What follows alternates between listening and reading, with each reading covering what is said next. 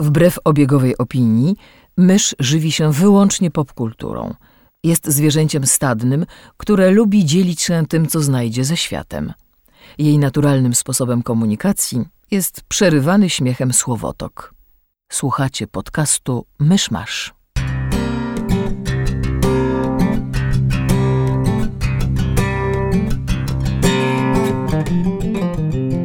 Drodzy słuchacze, jest 27 maja 2019 roku, Nigeryjski Dzień Dziecka. Wszystkiego najlepszego. Zapraszam do 234 odcinku. Odcinku? Odcinku. Podcastu Myszmasz. Good job, Chris. Drodzy słuchacze, nie śmiej się. Masz przestać się śmiać. Drodzy słuchacze, jest 27 maja 2019 roku, Nigeryjski Dzień Dziecka. Wszystkim obchodzącym e, życzymy wszystkiego najlepszego. Zapraszam do 234 odcinka podcastu Myszmasz. Cześć, jestem Krzysiek Ceran, a ze mną przy mikrofonie siedzi Mysz i Kamil Borek. I zebraliśmy się tutaj, żeby nagrać, e, jako się rzekło, 234 odcinek podcastu Myszmasz, będący jednocześnie ostatnim odcinkiem w tym sezonie. Nie podejmę się numerowania tego sezonu, ale jest to ostatni odcinek w nim. E, po którym zrobimy sobie parotygodniową przerwę i pewnie wrócimy po raz piąty, wymyśliwszy zupełnie nową formułę dla podcastu, bo my już tak mamy, jak go za długo nie nagrywamy. A potem ją porzucimy No w połowie właśnie. trwania tego sezonu. No właśnie, do tego piję, do tego właśnie nawiązuję. E, więc ponieważ jest to ostatni odcinek sezonu, to czujemy się tak trochę jak siedząc e, w podstawówce w drugiej połowie czerwca. Oceny wystawione, ale nauczyciele wciąż sprawdzają listę obecności, więc przyszliśmy, Wow. ale nie będziemy się zajmować tym, co zwykle. Program zrealizowany. Bo co no, byłem na Aladynie. Nie jest tragiczny, możecie iść, nie musicie. Proszę bardzo, macie opinię. Chcecie opinię? To była opinia. Ja z kolei obejrzałam całego Lucyfera i teraz piszę 15-stronicowe analizy każdego sezonu u siebie na blogu, No nagle właśnie. reaktywowanym, I więc będzie to, enjoy. na, będzie to na twoim blogu, a nie w podcaście. No właśnie. Nie, ja skończyłem właśnie Leftovers. Nie wiem, czy będę w stanie coś sobie wydusić na, ten, na, na fanpage'u. To jest E. to Avengers Endgame, tylko bez superbohaterów? Trochę E, tak. tak, tylko że 2% ludzi znika, a nie 50%. Rewolucyjne. Znaczy nie, to, to, to, jest, to jest bardzo dobry serial i to, że jakby to jest 2% ludzi, więc w sumie nie tak dużo, a robią z tym, e, jakby twórcy robią z tym bardzo dużo, to, e, to im się chwali. E, Więc jakby polecam, ale trzeba mieć wysoki stopień tolerancji dla pretensjonalności. No, to macie taki skrótowy odcinek Tak. Myszmasza. Dzięki za uwagę, do usłyszenia za dwa miesiące. Nie, ale tak poważnie, e, tak jak się e, odgrażaliśmy, e, chcielibyśmy zrobić odcinek taki, że tak powiem, na luzie, sobie pogadać. Poprosiliśmy Was na grupie podsłuchane.pl na Facebooku o pytania do odcinka Q&A z Myszmaszem albo jakieś śmieszne quizy. I bardzo dużo głosów e, i, i lajków, witam serduszek i wszystkich innych, całej tam waluty social media. E, dostała myśl, żebyśmy zrobili sobie test Pottermore na to, w którym domu jest, w którym domu lądujemy. I zobaczymy, jeżeli nam starczy czasu, to może zrobimy jeszcze jakiś test pod tytułem jakiego masz patronusa, albo jakiej różdżki powinieneś używać, albo you know, ważne rzeczy w życiu.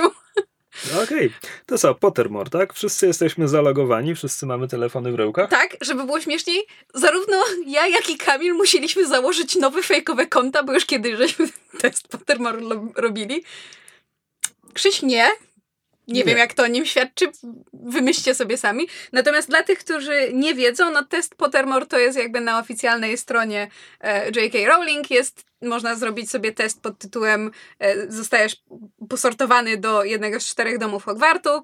E, ale myk jest taki, że pytania są losowe, w związku z tym każdy z nas ma teraz otwarte Pottermore na telefonie i są różne pytania, więc będziemy jakby je czytać i czytać nasze odpowiedzi, znaczy odpowiadać na nie, a niektóre pytania się mogą powtarzać, niektóre mogą być różne, więc się nie zdziwcie, że jest galimatias.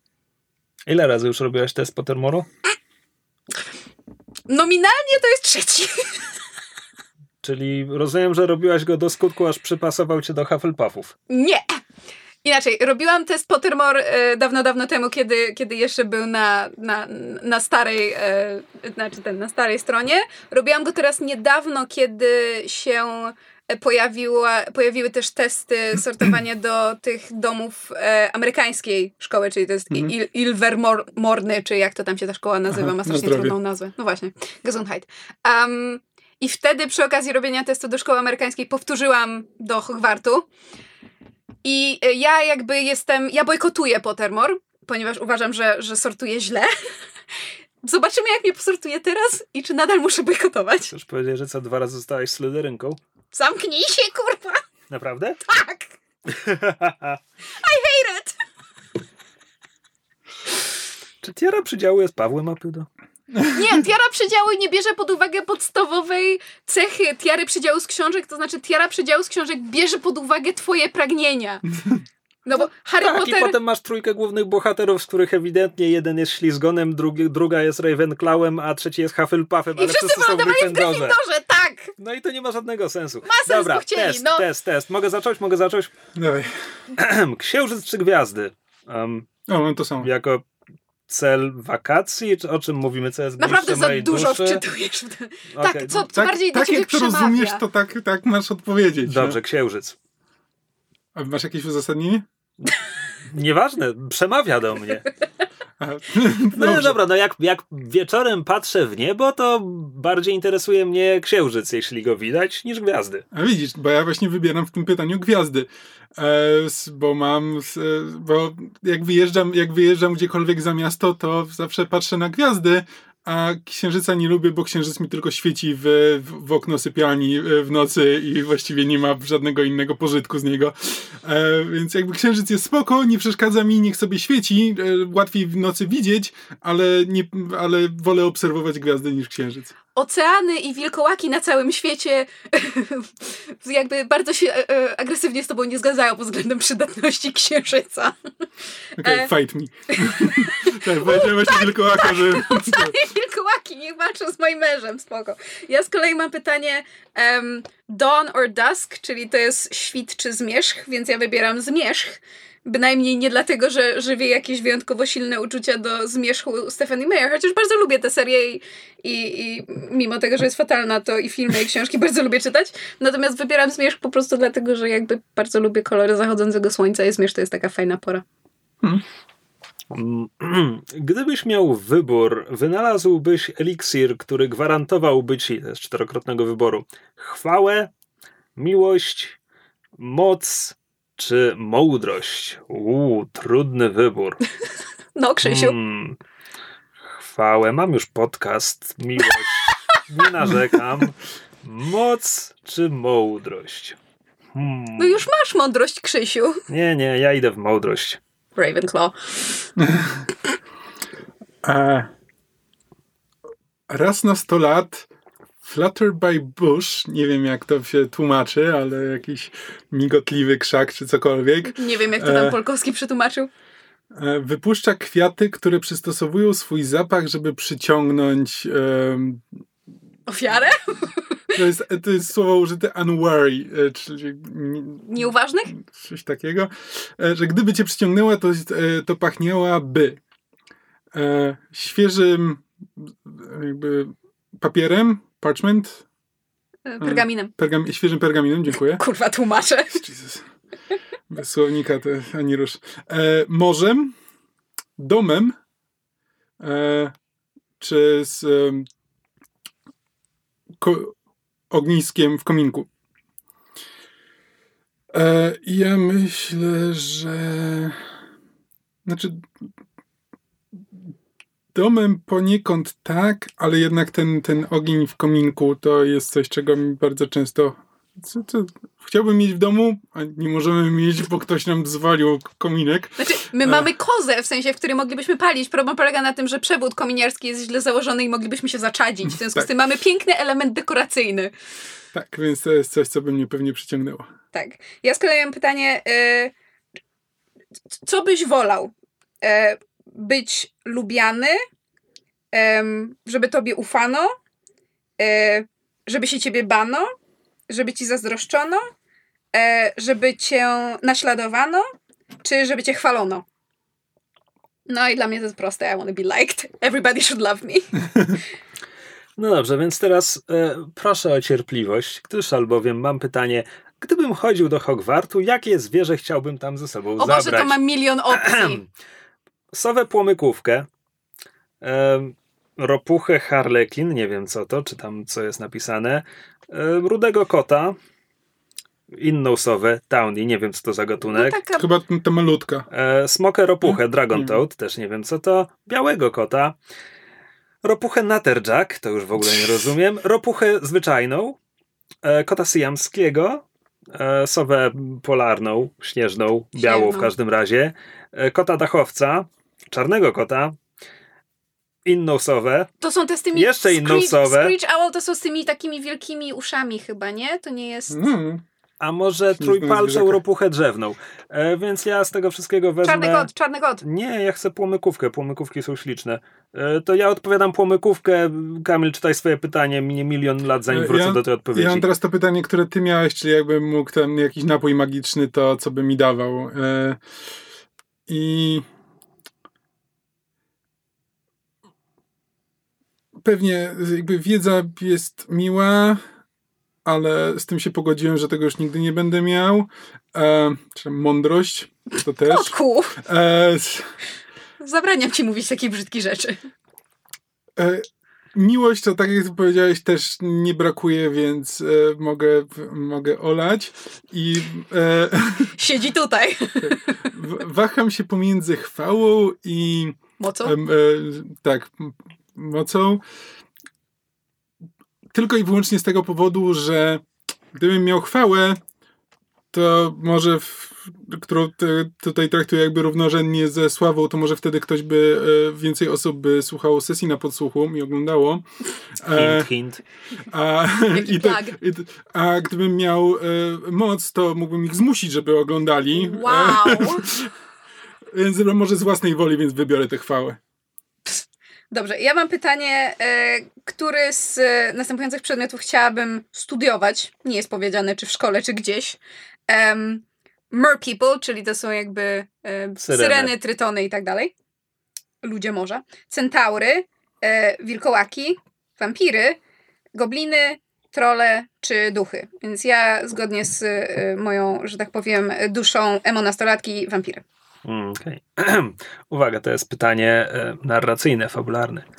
Jest późna noc. Idziesz samotnie ulicą. Słyszysz dziwny okrzyk. Masz wrażenie, że magicznego pochodzenia. Czy wyciągasz swoją różdżkę i nie ustępujesz pola?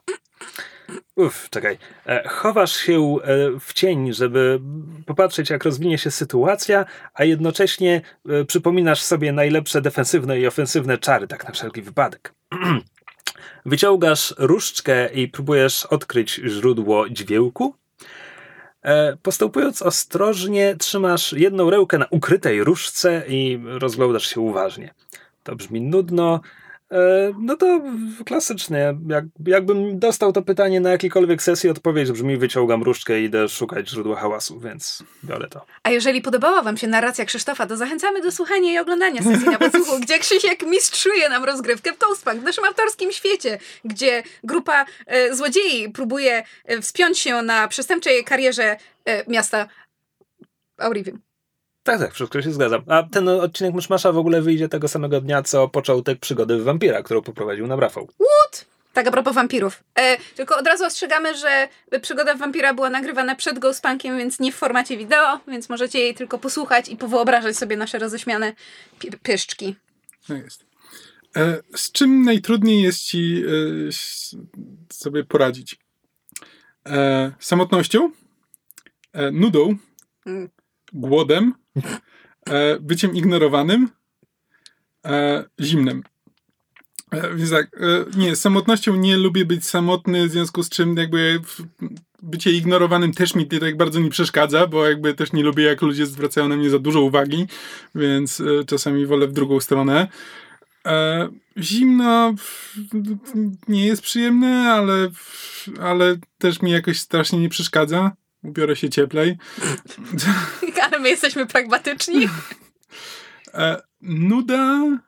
zosta zostały mi nuda i głód. E, I jakby w, biorąc pod uwagę moją odwieczną walkę z otyłością, to chyba muszę wybrać głód.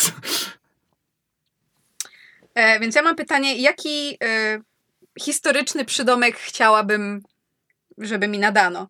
E, wielka, tak jak Katarzyna Wielka, mądra, rzekłabym, the wise, e, odważna czy dobra? Mm, Dobra. Ja mam pytanie, jak długi jest ten test? E, nie jakiś super długi, ale Okej, dobra. Em, ma, mam wybrać jedno z czterech pudełek. E, jedno z nich jest czarne ze srebrnym zamkiem, jest oznaczone runą Merlina. Drugie jest małe. Co to jest pewter box? o Boże, to jest ołowiane? Nie, ale coś, o Jezu. No dobra, zas- zasadniczo jest to kielich cieśli, tak? Bo wygląda, Tak. wygląda nijako i ma wyskrobaną wiadomość otwieram się tylko dla godnych. Um, that's what she said. Nieważne. E, Wow! Nie jak piję. Kami fioku. e, małe pudełko z e, tortoise shell. To jest dosłownie skorupa żółwia? Nie, Czy- to są te takie jak te japońskie z e, macicą perłową, chcę powiedzieć? Nie, nie, nie. Nie? Mother of Pearl to jest macica perłowa. Mm, Mm, w każdym razie jakoś inkrustowane, rzekłabym. mm, no nieważne. E, W każdym razie w tym pudełku tkwi jakieś małe stworzonko. Mam nadzieję, że wy, wykuli otwory, żeby mogło oddychać. E, Bogato zdobione złote, coś tam, coś tam, coś tam. E, Napis ostrzega, że zawiera tajną wiedzę i będzie kusić strasznie. Dobra, to małe stworzonko, bo trzeba je wypuścić, bo nie można zamykać zwierząt. No. E, to ja mam znowu pytanie o to. Szykret! Tortoise O! Szylkret, właśnie. Tak jak koty. Okej. E, Ja mam znowu pytanie o to, jakie zwierzę bym zabrał ze sobą do Hogwartu, e, więc ja wybiorę rudego kota, bo mi brakuje kota. E, to nie wiem, jak byłem mały, a teraz nie możemy mieć. E, Więc, więc mamy przez zasiedzenie, to znaczy moi rodzice mają kota, którego czasami molestujemy. tak, ale on, on kocha tylko swoją, sw- swojego tatusia. e, Pancia, tak. toleruje swoją mamusię, a cała reszta to w, może da się pogłaskać, ale zazwyczaj ucieka. Tak jest. E, Ja mam pytanie, e, jaki instrument e, najbardziej raduje moje ucho? E, Więc pytanie, e, odpowiedzi są e, fortepian, perkusja, e, skrzypce czy trąbka. Więc absolutnie skrzypce, najsmutniejszy instrument ever, a tak naprawdę odpowiedź powinna brzmieć akordeon, którego tutaj nie ma. Oburzające. Dobrze, to ja od razu powiem, ponieważ mam pytanie właśnie o jakie zwierzątko chciałabym w Hogwarcie, więc od razu odpowiem rudego kota, bo mój argument jest dokładnie taki sam jak Kamila. No, Okej. Em, Na naukę czego w Hogwarcie najbardziej czekasz? I tutaj jest no, fantastyczne zwierzęta i gdzie je znaleźć i jak się nimi zajmować. E, Latania na miotle. Apparition and disapparition. Chodzi o teleportację, tak? E, tak. Dobra. E, Tajemnice zamku. Transfiguration. Przemiana przedmiotów w inne przedmioty. E, Klątwy i Hexes and Jinxes. Klątwy i... No tak. Okej. Um, każda dziedzina magii, jaką tylko mogę. Okej, Mm. to jest odpowiedź dla kujonów, rozumiem. Um, Wow. To te magiczne stworzenia brzmią fajnie, to biorę to. Dobra. Mugol twierdzi, że jest przekonany, że jesteś e, magiem. Czy Zabijam go tak, E. żeby nikt nie patrzył. pytasz, czemu tak myśli? E, mówisz, e, mówisz mu, że martwisz się o jego zdrowie psychiczne i oferujesz, że zadzwonisz po lekarza. E, Gaslighting. Zgadzasz się i pytasz, czy nie chcieliby darmowej próbki Jinx. Co to jest Jinx? No, to jest to, co Krzy- Krzysiek przed chwilą pytał, jakby no klątwa, czy jakby taki... Taka mała A. Taka mała klątwa. Czy to jest zasadniczo. Klątewka. Tak, Czyli zasadniczo to Tak. jest zastraszanie. tak. E, Przekleństwo? Mm. e, zgadzasz się i odchodzisz, e, w, żeby zastanawiali się, czy blefujesz. E, podoba mi się taki power move, jak najbardziej. E, to drugie to też jest, to jest, znaczy to, że mówię, że martwi się o jego zdrowie psychiczne, to jest gaslighting, ale prawdopodobnie pod presją to jest pierwsze, co by mi przyszło do głowy, stwierdzenie, e, nie, chyba zwariowałeś, więc e, szczerze wybiorę to. Dobrze. Ja mam pytanie, y, jaki koszmar przeraziłby cię najbardziej? Pierwsza opcja to jest, że stoisz na czymś bardzo, bardzo wysokim i się orientujesz, że nie ma żadnych, y, nie wiem, barierek y, ani czegokolwiek, co, cię, co, co mogłoby powstrzymać twój upadek. Bycie zmuszonym do mówienia bardzo, mm, że tak powiem, dziwnym, głupim głosem, tak że nikt cię nie rozumie, wszyscy się z ciebie śmieją. E, Przebudzenie się w świecie, w którym ani twoi przyjaciele, ani twoja rodzina cię nie rozpoznają i nie mają pojęcia, kim jesteś albo bycie w zamkniętym w pokoju bez okien i zorientowanie się, że ktoś na ciebie patrzy przez dziurkę klucza. No więc opcja pod tytułem e, Moi przyjaciele i moja rodzina mnie nie rozpoznają śniła mi się wielokrotnie i to jest najgorszy koszmar, jaki można mieć. Ojej. Tak, to znaczy e, mój największy koszmar, jak byłam mała i miałam go tylko raz w życiu i pamiętam go do dzisiaj, bo miałam taką traumę. Śniło mi się, że była jakaś plaga, która zamieniała ludzi w karaluchy. I kiedy były zamieniane w ogromne krwiożercze karaluchy, no to jakby rzucały się na wszystkich. W związku z tym miałam sen, w którym stopniowo kolejne osoby z moich, kolejni moi bliscy byli zamieniane w te karaluchy i mnie goniły. Ja próbowałam i ostatnia scena, którą pamiętam, to jak próbuję przekonać oboje swoich rodziców zamienione w ogromne karaluchy, żeby mnie nie zjadały, bo jestem ich córką. No i jakby tak. Hmm. That was scary. Nie patrz się tak na mnie, Aha. Krzysiu. E, And what is your relationship with your mother? E, Ja mam pytanie o to, z czym mi się najtrudniej uporać. Wybieram samotność, lecimy dalej. E, Co z poniższych chciałbyś najbardziej badać? E, Mer People, czyli jakby syreny było, i to było- syrenów. Miałam to pytanie. Miałeś? Nie słuchałeś, powiedziałam Wow. wampiry. E, właśnie, wow, nie, nie słuchałem, bo ja też bym powiedział wampiry, bo w, w, spoko, jakby po to, żeby się dowiedzieć, jak zostać wampirem. To jest jedyny powód, dla którego należy badać wampiry. E, mo- moje pytanie jest absurdalnie proste. Czarny czy biały? Czarny. O, też to teraz mam. Czarny. E, okej. Orzeł czy reszka? Orzeł. Kurwa mać! Jesus. A, przydzieliło cię. Dobra. God damn it! Zostawimy na później e, jako niespodziankę, do czego została przydzielona mysz. E, I do czego nas przydzieliło. Później się tym podzielimy. I hate it! I hate it so much! Kamil? Czarny czy biały? Ja nie potrafię odpowiedzieć. No to, to zależy od kontekstu. Jak wybierzesz czarny, to będziesz kurwa w Czy Slytherinie. nie możemy żyć w harmonii? Czasami czarny jest fajny, czasami biały. Ja nie rozumiem tego pytania i nie wiem, jak mam zdecydować, co ja mam Odpi- wybrać. odpowiedz biały, bo inaczej wylądujesz w Slytherinie. Ene duelike faket, torba, borba, ósmy smaket, deus, deus, kosmateus Wow. i morele, bugs. Biały, okej. I masz już rezultat? Powinien być, bo chyba mieliśmy Tak. taką samą liczbę pytań. Mam. Ja też mam swój rezultat. Kamil, jaki jest twój rezultat? Przepraszam, myszu, Hufflepuff. Co ja robię nie tak? Chuja Wacława, no! Hufflepuff, Hufflepuff, Hufflepuff jest najlepszy.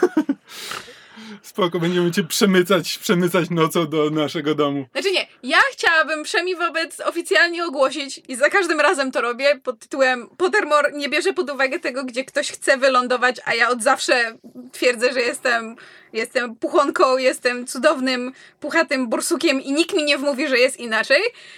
I żeby nie było, ja nie mam nic przeciwko Slytherinowi, jedni z najlepszych ludzi, jakich znam, to ślizgoni, ale po prostu fakt, że trzeci raz z rzędu Pottermore mnie sortuje do tego domu, mnie wkurza. O, o, słyszy, słyszycie? Słyszy? To jest śmiech Pawła Opydo. Cicho bądź. Raz to przypadek, dwa to pomyłka, trzy... Rzucę w ciebie tym telefonem, kutwa. No Cóż. dobrze. Tak. Myślę, że dowiedzieliśmy się jakiejś głębszej prawdy o sobie i Tak. o myszy, Jak- zwłaszcza o myszy. Cicho bądź. Jakby kogoś ciekawiło, to y, bo sprawdziłam wyniki na swoim starym koncie, to owszem, wy, wy, ten, wylosowało mnie do Slytherinu, z amerykańskiego domu Nie, jestem... Przydzieliła, nie wylosowało. Wylosowało. Rozumiesz, jak ja bardzo gardzę tą stroną. E, w Ilvermorny mnie wylosowało do Thunderbird. E, jest napisane, że e, dom Thunderbird, e, że tak powiem, preferuje Cultural appropriation. też poszukiwaczy przygód i ludzi, że tak powiem, dzielnych. Różdżkę mam e, 10 cali, drzewo cyprysowe cicho. Co? Bardzo pokaźna różdżka. E, drzewo cyprysowe, rdzeń z włosa jednorożca i mam e, charakterystyczną cechę zaskakująco giętka. Em, a moim patronusem jest, i to mi dłuższą chwilę zajęło, bo e, mój patronus to jest polecat. Nie wiem, czy wiecie, jak, jest, zwie- e, jak, jak się tłumaczy polecat na polski. Nie, tchórz. No, Więc moim patronusem jest tchórz. Also, I resent that. Moim patronusem jest szynszyla. ile można mieć patronusów? Znaczy, ja, ja po prostu wiem, że moim patronusem jest szynszyla. To, co mi mówi Pottermore, mnie nie obchodzi. Anarchia. tak. No dobra, co Dobrze, tam mamy odpowiedzieliśmy dalej? na pytania tiary przydziału, to może teraz pytania czytelników. E, słuchacze, jedne i drugie. Ludzi. Dobrze, tak. Y, przesłaliście nam na, na grupie podsłuchane.pl na Facebooku e, pytania. Teraz je sobie będziemy czytać i odpowiadać. Pytania są y, odaj nasza do kajfasza, to znaczy y, w sensie są e, nie, Od od, sasa od do lasa. sasa do lasa, dziękuję, to drugie. Język polski jest taki trudny, e, żeby było śmiesznie, jest tu jedno pytanie o tłumaczenia, więc będzie wesoło. E, e, ten, nazwiska znane redakcji, będę czytała tylko imię i inicjał. Nie, że wszystko jest na Facebooku. Bo, będzie brzmiało, jakby słuchali nas sami kryminaliści. Dobrze, będę, będę czytała same imiona w takim razie. E, więc Kamila pisze tak. Hej, trochę przewrotne pytanie. Często wspominacie o innych podcastach, podcastach, w tym anglojęzycznych. Jakie podcasty, kanały, oprócz podsłuchanych, of course, słuchacie i jakie polecacie? To jest temat, który wielokrotnie się w Myszmaszu pojawiał, bo, że tak powiem, się zmienia się, Znaczy, ale pewne, pewne, pewne kanały, znaczy pewne podcasty pozostają niezmienne. No z podcastów e, moim ulubionym o grach komputerowych niezmiennie pozostaje Creighton Crowbar, który jest strasznie sympatyczny. Mój ulubiony podcast komiksowy to House to Astonish, prowadzony przez dwóch szkockich prawników, jest znakomity. Um, e, co jeszcze? E, Explain the X-Men jest świetne, aczkolwiek niszowe. E, po prostu streszcza historię X-Men od pierwszych komiksów do współczesności. Na razie tkwią w głębokich latach 90., po czterech latach prowadzenia podcastu, także bardzo im kibicuję. Um, co jeszcze, co jeszcze? E, Moim najnowszym odkryciem, w którym jestem absolutnie zakochany, jest podcast pod tytułem It Could Happen Here, który jest prowadzony przez e, internetowego dziennikarza. W każdym sezonie ma omawiać jakiś hipotetyczny scenariusz, który mógłby się wydarzyć w Ameryce. Nie mam pojęcia, jakie są pomysły na przyszłe sezony. Obstawiam w ciemno, że któryś będzie dotyczył jakiejś epidemii. E, Natomiast pierwszy sezon jest poświęcony temu, jak mogłoby dojść i jakby wyglądała współczesna druga wojna domowa w Ameryce. Uła. I to jest gość, który jeździł e, do Iraku, do Syrii, e, na Ukrainę, Mhm. więc jakby rozmawiał z ludźmi biorącymi udział w wydarzeniach tam, więc opisuje. Opisuje też sytuację w Ameryce, obecne podziały polityczne i społeczne, e, funkcjonujące w tym momencie eks, ekstremistyczne grupy w tym kraju i jak gdyby wszystko się potoczyło źle, jeszcze gorzej i bardzo źle, jak to wszystko mogłoby doprowadzić do e, wybuchu walk. I jest to świetnie przygotowane, bardzo działa na wyobraźnię, bardzo dobra rzecz. Serdecznie polecam. To takie moje nowe odkrycie. Brzmi to ciekawie, ale wystarczy poczekać parę lat i się przekonamy. Wow. E, dobra, e, może tak, w, w, z takich podcastów, o których chyba jeszcze nie wspominałem w Myszmaszu nigdy, e, bo to jest w miarę nowe odkrycie w ostatnich paru miesięcy, no, może więcej, e, to jest The Daily, czyli podcast New York Timesa e, i to jest taki... Mm, Codziennie od poniedziałku do piątku wychodzi jeden odcinek, który zazwyczaj ma około pół godziny i jest poświęcony pojedynczemu y, zagadnieniu. E, Zazwyczaj, czy zazwyczaj jakby jakimś bieżącym, bieżącym sprawom. Znaczy, no, na przykład tam jednym z, jednym z ostatnich to było, e, było omawianie e, prawa zakazującego aborcji w Alabamie i jakie to ma znaczenie w kontekście walki o aborcję w całym kraju i w Sądzie Najwyższym. Ale też bardzo dużo, bardzo dużo takich bardziej ogólnych tematów, też nie z samej Ameryki, ale też na świecie. Jest bardzo ciekawy odcinek o jakby dochodzeniu skrajnej prawicy do władzy w Indiach e, i tego typu, tego typu rzeczy. To się bardzo fajnie słucha, to jest bardzo, to jest bardzo ciekawa pigułka, bardzo dobrze prowadzona i przedstawiana jakby w sposób, który bez, bez względu na jakby poziom znajomości jakby sytuacji politycznej można tego posłuchać i, i zrozumieć o co chodzi. E, I jest, jest to bardzo dobre i bardzo polecam. A ja jestem bardzo monotematyczna i ostatnio praktycznie nie słucham podcastów. Mam bardzo dużo do pododawa- pododawanych do, do, do aplikacji, ale jedyny, który słucham obecnie i powolutku sobie prze, przez kolejne odcinki, to jest The Adventure Zone który jest um, actual playem grania w Dungeons and Dragons, bo oczywiście, że to jest jedyne, czego ja teraz słucham. E, zrobione przez braci McElroy, a właściwie przez trójkę braci ich ojca, których e, możecie kojarzyć z podcastu My Brother, My Brother and Me, który jest takim e, komediowo-satyrycznym podcastem z poradami. To znaczy oni na przykład czytają e, pytania z Yahoo Questions, czy tam Yahoo Answers i na nie jakby zabawnie odpowiadają. Natomiast w The Adventure Zone rozgrywają własną kampanię w Dungeons and Dragons i jest e, kolorowa, absurdalna, szalona, strasznie wesoła i sympatyczna i przy okazji ma bardzo ciekawy world building i fajny storytelling i e, ich mistrz gry jest bardzo, że tak powiem um, jak nazwać? Flexible? Elastyczny. Elastyczny, dziękuję. Giełdki. Tak. Zwinny, wygimnastykowany. Tak, jak Rozciągnięty. Jak tchórzofredka. E, w każdym razie, jeżeli komuś mało na przykład, e, nie wiem, Critical Role albo e, Acquisition Zinc albo innych podcastów. Albo sesji na podsłuchu. Albo sesji na podsłuchu. Jak widzicie, ten odcinek jest jedną wielką reklamą sesji na podsłuchu. To The Adventure Zone prawdopodobnie już zna, jeśli lubi te inne actual playe, ale jeżeli ktoś nie zna, to, to bardzo polecam, bo oni podchodzą do tego na, na luzie i jest jakby nacisk na na historię, mniej na mechanikę. Walki są skracane, więc jeżeli komuś, mm, że tak powiem, walki się dłużą, to, to jest sympatyczne. A poza tym autentycznie nie słucham innych podcastów. Woo! Ja mogę wymienić jeszcze Friends at the Table z Actual Play, bo próbowałem ilość Actual Play, to był jedyny, który mnie wciągnął na dłużej i teraz jestem wiernym słuchaczem już od lat, ponieważ jest fenomenalny i zżynam z niego jak popadnie. W sensie inspiruje się.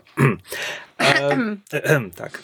E, a było też pytanie o kanały, no to jeśli chodzi o YouTube, to ja nie oglądam dużo, ale Lindsay Ellis zawsze lubię jej wideo eseje. Patrick H. Williams z mniejszym entuzjazmem, ale też um, no nieodżałowane Every Frame a Painting, które Och. było znakomite, najlepsze i w ogóle, ale, ale został już zamknięty.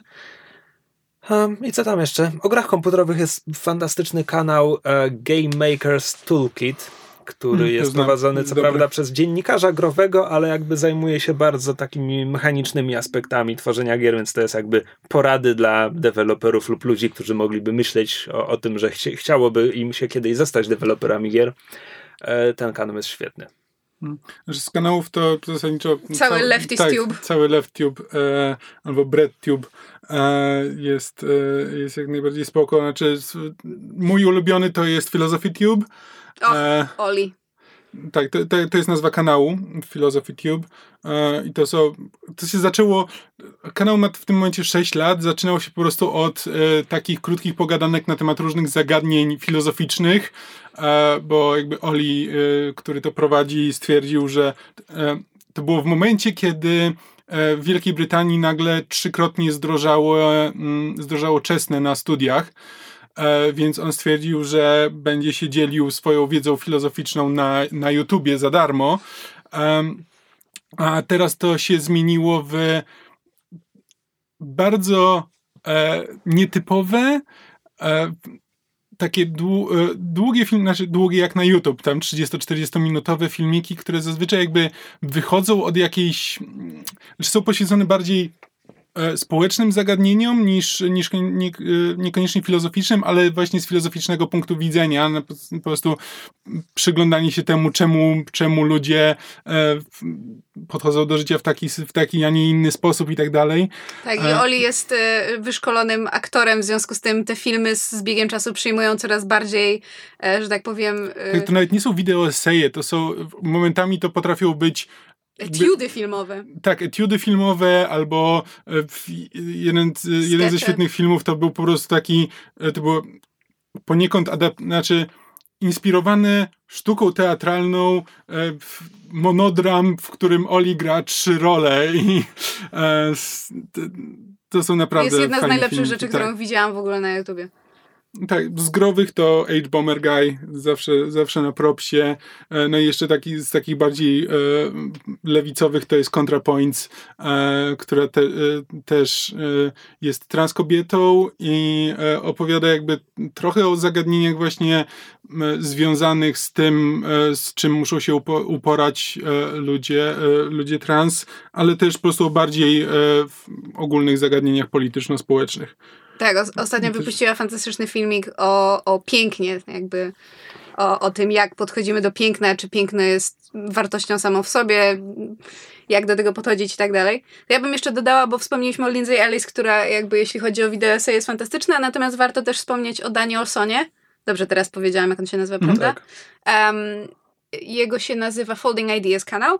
E, I jeszcze jest e, stosunkowo um, ostatnio, że tak powiem, e, e, się, się pojawiła, znaczy jakby zrobiło się o niej głośniej, Sarah Z.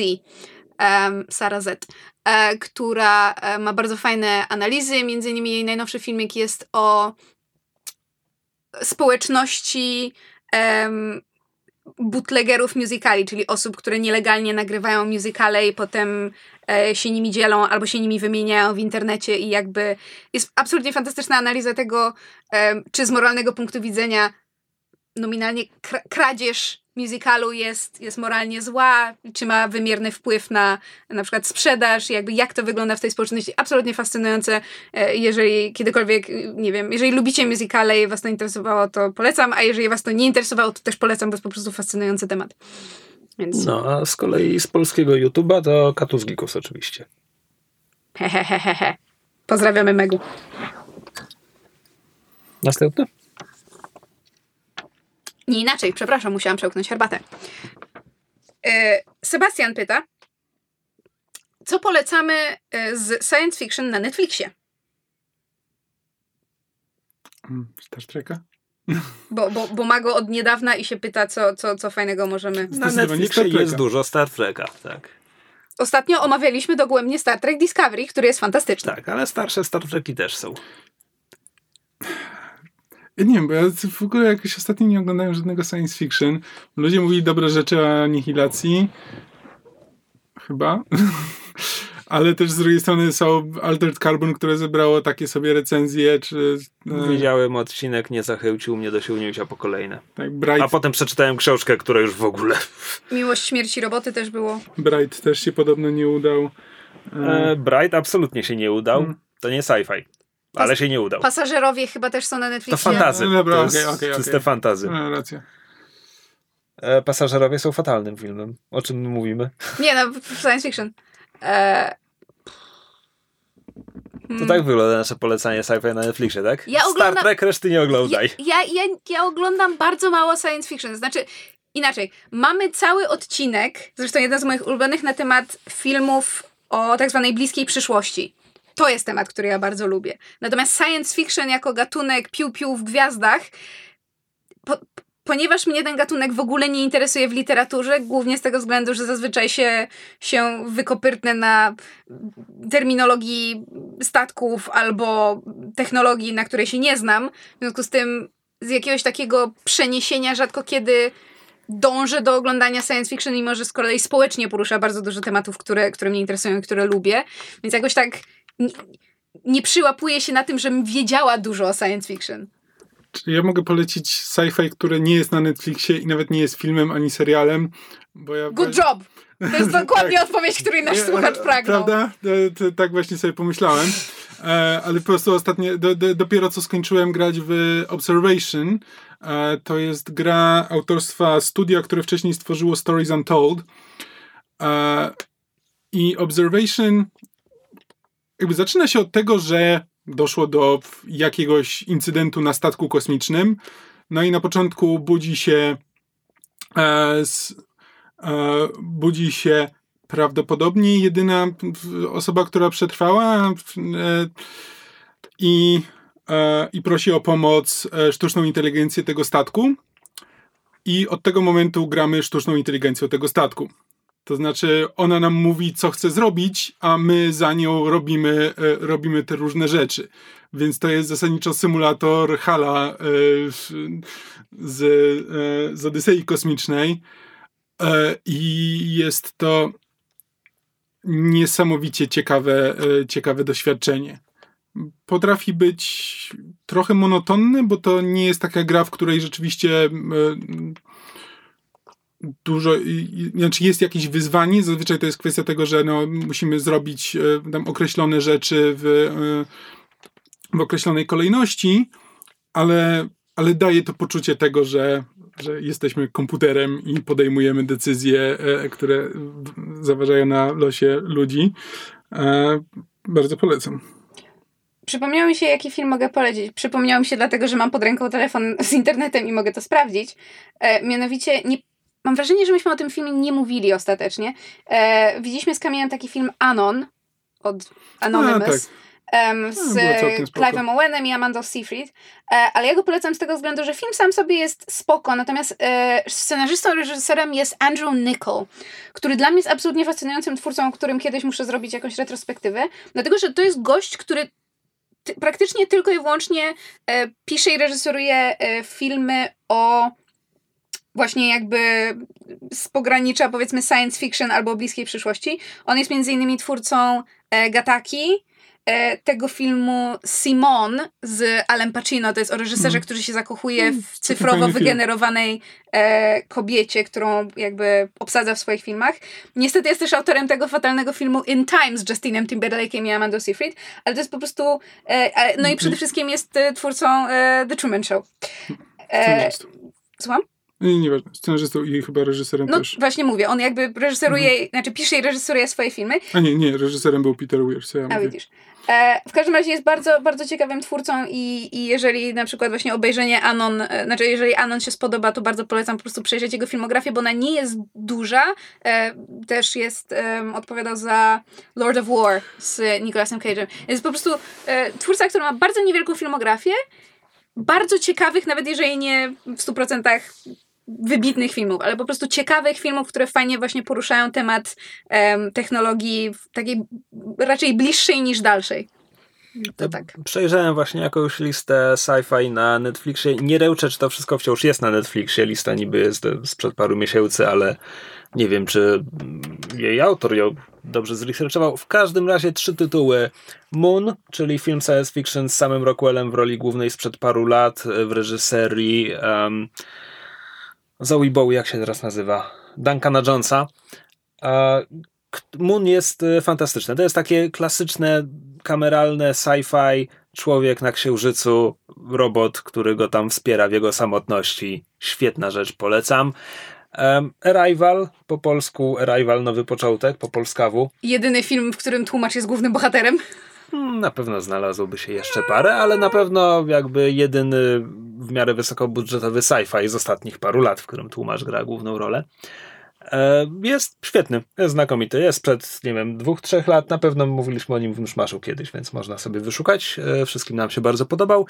E, I to jest trochę inna kategoria sci-fi, ale podobno Dread z Karlem Urbanem jest na Netflixie. Och, jest fenomenalny. A Dread jest znakomitym filmem akcji. W scenografii sci-fi. Wiem, co jest jeszcze na Netflixie, co warto polecić. Snowpiercer, którego ja po raz pierwszy w życiu obejrzałam no, tak. dopiero niedawno i byłam... No, duże wrażenie na mnie film zrobił, nie powiem, bardzo duże. To jest przede wszystkim jakby wizualnie świetny film, ale też historia, to jak jest spleciona z tym, jak rzeczy są pokazywane. Snowpiercer jest super. Obejrzyjcie Snowpiercer. To, to nie jest indywidualna rekomendacja, no ale ludzie, ludzie lubią Black Mirror, a Black Mirror jest na Netflixie ja się odbiłem od Black Mirror, ale ludzie lubią. Też prawda. Następne pytanie? Indeed. Ewentualnie e, obejrzyjcie Godzilla, bo zaraz będzie nowa Godzilla. Tamta Godzilla była super, a ta nowa wygląda jeszcze lepiej, więc przypomnijmy sobie wszyscy Godzilla. E, inny Sebastian, niż ten, który przed chwilą zadawał pytanie o science fiction na Netflixie, pyta, czy zbijamy meble nad ranem. Jeżeli nie rozumiecie tego żartu, to zachęcamy do słuchania sesji na podsłuchu i Wow. wszystko stanie się jasne.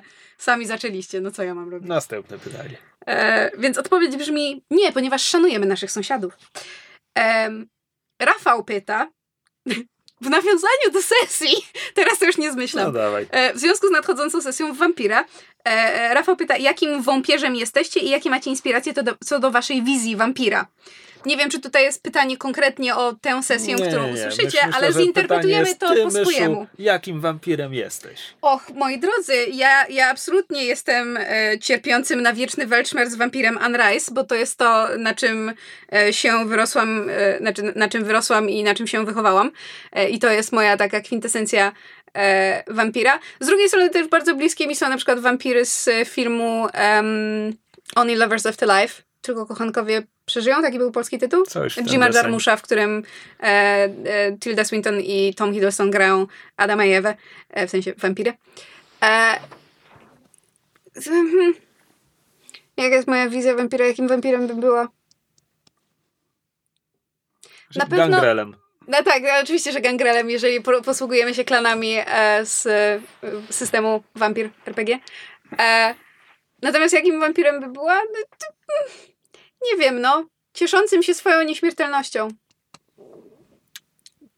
Ja byłbym prawdopodobnie, y, też sięgnę po te nowe klany e, z Vampira, znaczy z Vampira Requiem, nie z Maskarady. Bo Spokojnie mógłbym być Meketem. To są te wampiry, które lubią cienie i być nie, ten, pozostawanie niezauważonymi. w- No i teoretycznie tam jeszcze sz- szukają wiedzy, co jest miłe, e, więc jakby tak, ja mogę być Meketem. To są tak nie wiem, ja je sobie zawsze wyobrażałem jako takie dosyć punk rockowe wampiry. U, ja bym na pewno była y, takim wampirem jak z tych wszystkich supernaturalowych procedurali, gdzie wampir plus policjant albo policjantka e, rozwiązują wspólnie zbrodnie, więc ja bym była takim, takim, wiecie, dobrym wampirem o złotym sercu, który pomaga ludzkości. I od czasu do czasu kogoś zjada. Okej. Nie wiem, jakoś. Ja nigdy nie byłem specjalnie wkręcony w wampira i wampirze rzeczy, więc posługując się kategoriami z RPG, wyobrażam sobie siebie jako takiego Wętru. Finblada, który się budzi, nie rozumie co się stało, e, zaraz łamie jakieś zasady i ginie. O, yes. Jakie to smutne. Natomiast jeśli chodzi o inspirację, jak, jak to brzmiało? Jakie E, macie inspiracje co do waszej wizji wampira? No zdecydowanie gra Vampire the Masquerade Bloodlines to jest jakby to, co mi wyznacza to, czym, czym wampir ten RPGowy ma być. Natomiast Aha, y, nie, mów. Nie, nie, nie, przepraszam, ja po prostu myślałem, że chodzi o to pytanie, że jakby y, osoba, która je zadaje, y, zakłada, że y, y, pyta o nasze postaci w, y, w Właśnie grze, Postanowiliśmy to interpretować po swojemu. ale ponieważ w grze dostaliśmy postaci nad, odgórnie narzucone, więc tak, to jakby tak. musimy nawet nie da odpowiedzieć się- inaczej. Właśnie. To macie, macie tease do No sesji tak, więc wampira. przepraszam, że ci przerwałem, ale e, tak, że, że wampir maskarada, że wpłynął na twoją wizję Znaczy wampirów. Bloodlines, gra komputerowa. Bloodlines. W sensie ta wizja maskarady, jaka jest w tym świecie, tfu, w tej grze, to jest, to jest jakby to, do czego się odwołuje w pierwszej, w pierwszej kolejności zazwyczaj. A w sumie tak naprawdę, jak o tym myślę, to prawdopodobnie byłabym jak wampiry z takiej komedii, bodajże tytuł był Vamps, gdzie e, Alicia Silverstone i Kristen Ritter, czyli Jessica Jones z serialu e, Netflixa, e, grają dwie wampirzyce właśnie we współczesnym Nowym Jorku. I to jest przeurocza komedia. Jeżeli komuś się podobało em, What We Do in the Shadows, ta nowozelandzka komedia o wampirach, to to jest mniej więcej w podobnym tonie, tylko że jakby z, z, z bohaterkami. E, w sumie, w sumie pewnie bym była jak bohaterowie We Do in the Shadows, to znaczy wampir, który nieuchronnie powtarza pewne wampirze tropy i przy okazji sam nie wie, że jest bardzo zabawny. Ogólnie ja mam dużo przemyśleń o wampirach, ja tak mogę długo. Dobrze, przechodzimy do następnego pytania, żeby się mysz nie zapętliła. Um, Michał się pyta, a właściwie Michał pisze. Po zakończeniu pierwszego sezonu, gdy strasznie tęskniłem, e, stęskniłem się za myszmaszem i zacząłem przesłuchiwać podcast od początku, zauważyłem, że kiedyś na koniec odcinków były zwierzątka. I teraz pytanie, czemu zrezygnowaliście ze zwierzątek na końcu odcinka? Z prozaicznych powodów chyba. Tak. Ba- Zwierzątka się skończyły. Znaczy, tak, z, z bardzo prozaicznych, pragmatycznych powodów pod tytułem e, straciłam rachubę, jakie zwierzątka były, jakie nie były. Wymyślanie ich za każdym razem e, kończyło się tym, że mówiłam, co mi ślinę na język przyniesie, a jakby... Nie, Przestało być to dla nas zabawne, Tak, więc i stało się jakby większym wysiłkiem niż, niż zabawą, więc ale zwierzątka na zawsze nosimy w, w serduszku. tak jak najbardziej. Poza tym ja jestem myszą, więc zawsze jakieś zwierzątko będzie w tym podcaście. Hej, tak łatwo się mnie nie pozbędziecie. Em, wracamy do seriali. Igor się pyta, czy któryś z was oglądała serial Vikings? My tu z Kamilem mamy ciekawą odpowiedź pod tytułem e, Technicznie rzecz biorąc oglądaliśmy serial Vikings, drugą połowę czwartego sezonu, ponieważ ją tłumaczyliśmy. Tu był niecały czwarty sezon? Znaczy, sprawdziłam e, w swojej dokumentacji i e, mam e, chyba nieparzyste albo parzyste odcinki z drugiej połowy czwartego sezonu, co jest o tyle ciekawe, że nie siejąc spoilerami, pod koniec czwartego sezonu dzieją się rzeczy. I to dzieją Mhm. się rzeczy, które są szalenie wywrotowe i istotne dla całego serialu z punktu widzenia tego, o czym do tej pory była historia. Natomiast e, Tak, i potem- bardzo nam się serial tak, podobał i potem nawet usiedliśmy, żeby zacząć go oglądać od początku, no ale jakby życie, praca i tak dalej. Nigdy nie skończyliśmy. Nie, ale to jest, to jest dokładnie ten rodzaj serialu, który ja lubię. To znaczy, bardzo mi przypominał w, w, w możliwie najlepszy sposób e, Spartakusa, którego jakby kocham od lat. To znaczy, jakby serial, który się dzieje e, powiedzmy historycznie, ale jednak tak e, trochę na luzie interpretowany. Dramat e, w takim właśnie jakby historycznym kontekście i sztafarzu, ale głównie jakby skupiony na psychologii postaci, na emocjach. Trochę bardziej brutalny, trochę bardziej taki, nazwijmy to, nie wiem, szorstki. Znaczy, E, Dla mnie przede wszystkim jest dziwny, znaczy ten serial, ale, ale w taki dobry sposób. Ja lubię, ja lubię dziwne seriale, lubię seriale, które mnie zaskakują, jakby, które podejmują decyzje, które są nieoczywiste e, i robią, robią rzeczy, które mnie, które mnie zaskakują jakby zarówno w formie, jak i w tym, co się dzieje.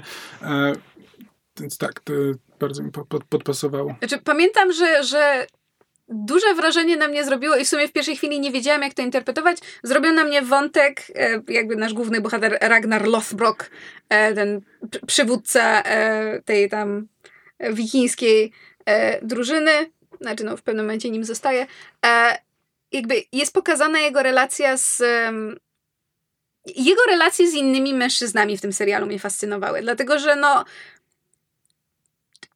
to nie jest serial, w którym chyba explicite jest powiedziane, że Ragnar, e, że tak powiem, jest, nie wiem, biseksualny czy panseksualny, ale jego relacje z mężczyznami, biorąc pod uwagę tematykę serialu, nie spodziewałam się, że w takim serialu, a jakby nie wiedziałam o nim nic, kiedy zasiadałam do tłumaczenia czwartego sezonu, tak otwarcie męscy bohaterowie będą ze sobą rozmawiać o uczuciach i miłości do siebie Mm. nawzajem.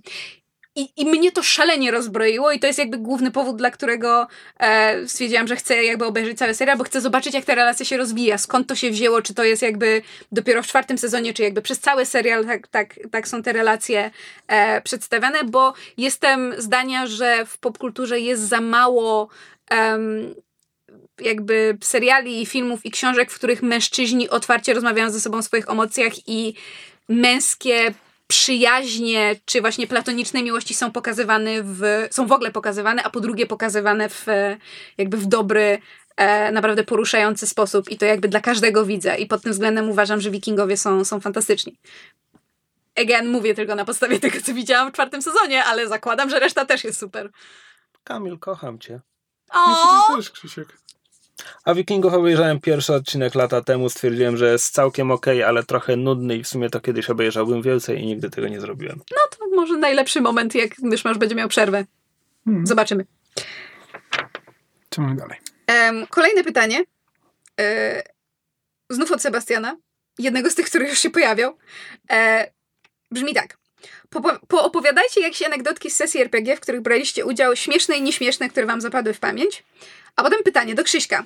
Jaka sytuacja jako mistrza gry była dla ciebie najbardziej problematyczna do wybrnięcia? Czy raczej zawsze szybko znajdujesz scenę w głowie i ją realizujesz, realizujesz bez większego problemu? Czy w jakiś konkretny sposób przygotowujecie się do kolejnej części trwającej sesji, czy raczej przychodzicie na spontanie i co będzie, to będzie? Okej, okay, tu jest dużo pytań, które musimy rozkładać po kolei, więc pierwsze jest o anegdotki z sesji RPG. Czy mamy jakieś, które nam przychodzą do głowy? Są w sesjach na podsłuchu, jakby Właśnie nie bardzo to, wiem, jak inaczej to mogę... To jest skomplikowane, bo my większość w tym momencie naszych sesji e, są na kamerze, więc jakby można zobaczyć, e, co tam się dzieje. Jedyn, jedyna anegdota, która, która rozgrywała się w sesji, której nie nagrywaliśmy, bo to było jakby ćwiczenie do tego, co ty nam kiedyś poprowadzisz na wizji i fonii i, i w ogóle. No pressure, myślę. E, to, jest, to jest to, jak był dogorywający jednorożec, którego trzeba było uratować, rozwiązując e, matematyczno-magiczną zagadkę z przelewaniem z dzbana do dzbana, żeby tam wylać odpowiednio. To jest ta sama zagadka, która była w Szklanej Pułapce 3, jeśli ktoś kojarzy film. E, co w pewnym momencie, kiedy byli, nie mogliśmy znaleźć rozwiązania, ja tylko rzuciłem trzy dzbany, próbują uratować jednorożca. Byłem bardzo dumny z tego tekstu i trochę żałowałem, że tego akurat nie nagrywamy. E, tak. tak. Ale poza tym jakby nasze anegdoty z ostatnich pięciu lat są w podcaście. Znaczy...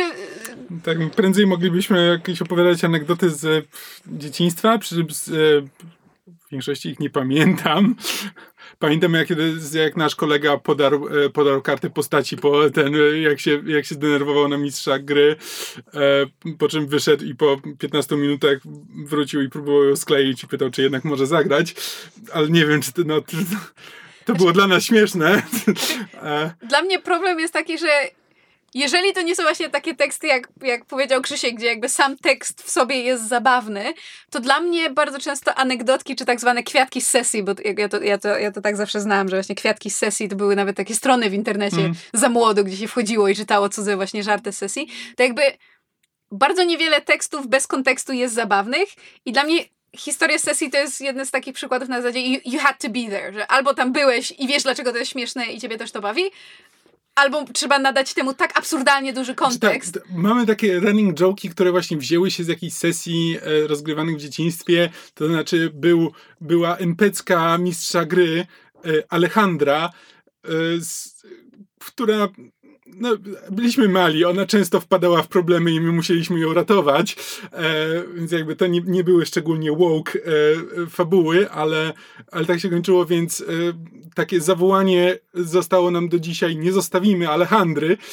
e, I do dzisiaj po prostu. Bardzo konkretnie z takim płaczliwym zaśpiewem to tak, zostało zagrane w scenie. Więc... Tak, więc za, za, każdym razem, kiedy dzieje się, kiedy ktoś wymaga naszej pomocy, to pojawia się tekst: Nie zostawimy Alejandry. E, tudzież e, mój, grając, grając praworządnym, dobrym e, paladynem, wrzuciłem tekst. Nadszedł czas mieczy. Przy czym to było o tyle zabawne, że Kamil rzucił to po, w momencie, gdy od 10 minut negocjowaliśmy z e, przeciwnikiem i zasadniczo szło ku temu, że zaraz go przekonamy, żeby z nim nie walczyć, tak. ale Kamil nie wiem, czy przestał słuchać, czy się znudził, więc... Znaczy nie, to było dosłownie, że skończył... Leroy Jenkins! To było dosłownie coś w stylu, że skończył się czas słów, nadszedł czas mieczy, czy coś takiego co było w tamty, na tamtym etapie powiedziane absolutnie nieironicznie, e, więc to tak, do, do dzisiaj, e, do dzisiaj pozostaje w, w użyciu to mi przychodzą tylko jakby sytuacje z, z sesji Dungeons and Dragons, którą, którą od, y, o, w tym momencie już ponad dwa lata gram i która zaraz będzie miała finał. Ja tak bardzo nie chcę, bo się boję, czy nam się, nie wiem, czy nam się uda uratować świat, ale przede wszystkim boję się, czy moja postać przeżyje, ale mogę taką y, ten skrótową historię, to nie, ona nie jest śmieszna, tylko była dla mnie bardzo znacząca, to znaczy moja postać w pewnym momencie weszła na mroczną ścieżkę zemsty i zrobiła, zabiła kogoś e, z jakby w bardzo krwiożerczy sposób, przez co jej się zmienił e, alignment, czyli to jest charakter. Charakter, dziękuję. Z e, chaotyczny, neutralny na chaotyczny, zły. No i jakby co było stosunkowo mm, wcześniej na, w naszej kampanii, potem jakby była cała historia odkupienia i tego, jak ona próbuje ze sobą walczyć i zdusić sobie te potrzeby zemsty, jak próbuje odnaleźć w sobie znowu dobro i e, niedawno był moment, kiedy e, jakby zwróciła się do, do Boga Pelora, do Boga Światła, do którego od pewnego czasu jakby się, się modliła i, i, i miała moment, kiedy jakby zdała sobie sprawę z tego, że, że przez ten cały czas prosiła go o wybaczenie, a to ona musiała sobie sama wybaczyć i, i, i, i, że, i że chyba jest już na to gotowa, żeby sobie sama wybaczyć i mistrz gry kazał mi rzucić um, wisdom saving throw i wyrzuciłam naturalną dwudziestkę i jakby mistrz gry uznał, że w takim razie um, mogę sobie zmienić alignment na, na taki, jaki chcę i zmieniłam sobie na chaotic good. I to był ten taki moment, kiedy po prostu rzut kości idealnie jakby nawet nie tyle um, pomógł, Zgra, pomógł... Zgrał się z twoją wizją tej historii. Tak, ale nawet nie tyle zgrał się, bo to nawet nie chodziło o to, że ten rzut był na tyle dobry, że mi się udało. Mhm. To był najlepszy możliwy No rzut, tak, no bo tak. to była naturalna dwadzieska i to był jakby ten kosmos potwierdzający dla tej, Mhm. w tej jednej chwili dla tej mojej postaci tak zrobiłaś dobrze, jesteś dobra, wszystko się ułożyło. Tak, i to był, to był po prostu taki moment, że ja się automatycznie rozryczałam po prostu na, na wizji, na fonii, fonii, bo my gramy przez, przez, przez kamerki. Z kwiatków ses, sesji to jeszcze kojarzę grając w Vampira. E, było, już nie pamiętam osób dramatu dokładnie, ale w każdym razie była scena, bardzo dramatyczna scena, w której jedna, jedna z postaci e, to, było, to było chyba w Rzymie rozgrywane, jedna z postaci nie, nie, nie, to mu- musiało być współczesne. Nieważne. Jedna z postaci trafiła do jakiegoś pomieszczenia, w którym nagle zaczęło się, zaczął się otwierać dach e, i wylewać do pomieszczenia e, słońce. To była jakby egzekucja, e, egzekucja zdrajcy. W tym momencie to była postać, postać gracza, która się znalazła w tej sytuacji. I też nie pamiętam kto w tym momencie, ale jeden z pozostałych graczy zaczął w pewnym momencie śpiewać Słońce świeci nad nami, ogrzewa nasze nagie ciała promieniami. E, I to był koń... A to, to była absolutnie kulminacja jakby e, w, wątku, wątku postaci. To była, to była... t- Chyba to była egzekucja po prostu postaci. To był chyba koniec tej postaci i wszystko było podniosłe, muzyka była podniosła, scena była podniosła i ten jeden moment wszystko. To, A to, to, to Janek nam prowadził tego wampira, którego wymieniam tu z imienia, bo słuchacze prawie mogli go usłyszeć, bo on zaczął z nami grać w Numenerę, ale tylko w jedną przygodę i to jeszcze której zanim... nagrywaliśmy. Tak, jeszcze zanim zaczęliśmy nagrywać sesję na podsłuchu. wielki nieobecny. E, tak, ale on gdzieś tam jest, gdzieś tam był. Być może nawet wspominamy to, że jego postać odłączyła się od drużyny w najpierwszym odcinku. Mhm. No E. tak, jakby on pomógł nam, dzięki, jakby z jego udziałem powstały sesje na podsłuchu. Tak, tak, zdecydowanie tak. Em, W każdym razie on nam tego wampira prowadził, co to było? To było jakieś głębokie gimnazjum pewnie, ale ja pamiętam, że z sesji, które rozgrywaliśmy wtedy, w tamtym wieku, on potrafił stworzyć klimat na sesji. Tak. I to ja wspominam do dziś, zwłaszcza to, że soundtrack z Ghost in the Shell'a mi się kojarzy wyłącznie z Vampirem, Tak. bo Janek używał go na sesjach i czasami używał go naprawdę bardzo umiejętnie, zwłaszcza, że tam jeszcze czasami teatralnie, wiesz, gasił nam światło i po prostu siedzieliśmy w ciemności z tą muzyką i była jakaś scena. Była sytuacja, której kompletnie nie pamiętam, kompletnie nie pamiętam szczegółów, po prostu chodziło o to, mieszają mi się dwie sceny. Więc e, scena, scena z wampira dotyczyła tego, że trzeba było wyeliminować jakiegoś świadka poprzez zasadniczo podanie mu trucizny w szpitalu i to było właśnie z muzyką z Ghost in the Shell i tak dalej. Pamiętam to jako taką bardzo klimatyczną, jakby z tych, nazwijmy to jeszcze ze wczesnego etapu grania w RPG, jako jedną, jedną z takich chwil, które mi pokazały, jak to może działać na człowieka, rozegranie takiej sceny. Mhm. Natomiast to, co mi się pomieszało, to chyba było z dedeków. Nieważne, sytuacja, że gramy, czy byliśmy, czy graliśmy w dedeki, czy graliśmy w vampiry, to wciąż było to samo power fantasy. My tu jesteśmy tymi z, jakby dużymi i silnymi w tym świecie, a po prostu była scena, gdzie jesteśmy w ciemnym korytarzu, za drzwiami coś hałasuje i pół godziny. Otwieramy te drzwi, czy nie? Tam nie. Może, nie wiem. Tak? Nie. Tam coś hałasuje. Może lepiej nie. Po prostu tak absurdalne. Drzwi to jest odwieczny, e, odwieczny wróg e, graczy w Dedeki. Natomiast z takich e, kwiatków, że, że mamy hasło, które wciąż się w jakiś sposób pojawia, no to wyjątkowo złe rzuty, czy wyjątkowo absurdalne przeszkody chyba wciąż zdarza nam się podsumowywać hasłem potknąłeś się o wy, wyimaginowanego żółwia, tylko to nie jest coś, co my wymyśliliśmy, Tak. to było dosłownie w tabelce na rzuty w podręczniku do y, Śródziemia, y, Middle Earth Role Playing Game, czy jakkolwiek to się nazywało. To było absurdalne samo w sobie, ale ktoś to kiedyś wyrzucił, więc było śmiesznie i do dziś jest śmiesznie. E, tutaj było kolejne pytanie do Krzysia konkretnie. E, jaka sytuacja jako mistrza gry była dla ciebie najbardziej problematyczna do wybrnięcia? I jakby aneks do tego pytania, czy raczej zawsze szybko znajdujesz scenę w głowie i ją realizujesz bez większego problemu? To znaczy, to nigdy nie jest tak, że słyszę pomysł gracza i od razu mówię, jakby już zupełnie bez przygotowania, co się dzieje, tylko najczęściej, najczęściej albo potrzebuję chwili, albo zaczynam zadawać pytania pomocnicze, żeby, żeby sam gracz mi podsunął, czego on się w tym momencie spodziewa i jakby albo chcę go zaskoczyć, albo pójdę mu po, na rękę i tak dalej. Jeśli chodzi o sytuację, z której najtrudniej miałem wybrnąć w ramach sesji na podsłuchu, to jest ta blisko. Blisko finału kampanii w Numenere był ten moment, gdzie byliście już o trzy dni drogi od celu końca kampanii, podróży i tak dalej, po czym przekonaliście sami siebie, bo nikt nie pamiętał, czy ktokolwiek w ogóle rzucił taki pomysł, ale na początku przygody przekonaliście sami siebie, że nie, wy jeszcze chcieliście zahaczyć o to miasto na północy, o tydzień drogi stąd, bo, bo chcieliśmy tam najpierw kupić zapasy czy cokolwiek, a ja miałem takie, jesteście tutaj tu jest koniec kampanii. Jestem przygotowany dzisiaj prowadzić wam koniec kampanii. O czym wy do cholery mówicie? Ale poszliście do tego miasta.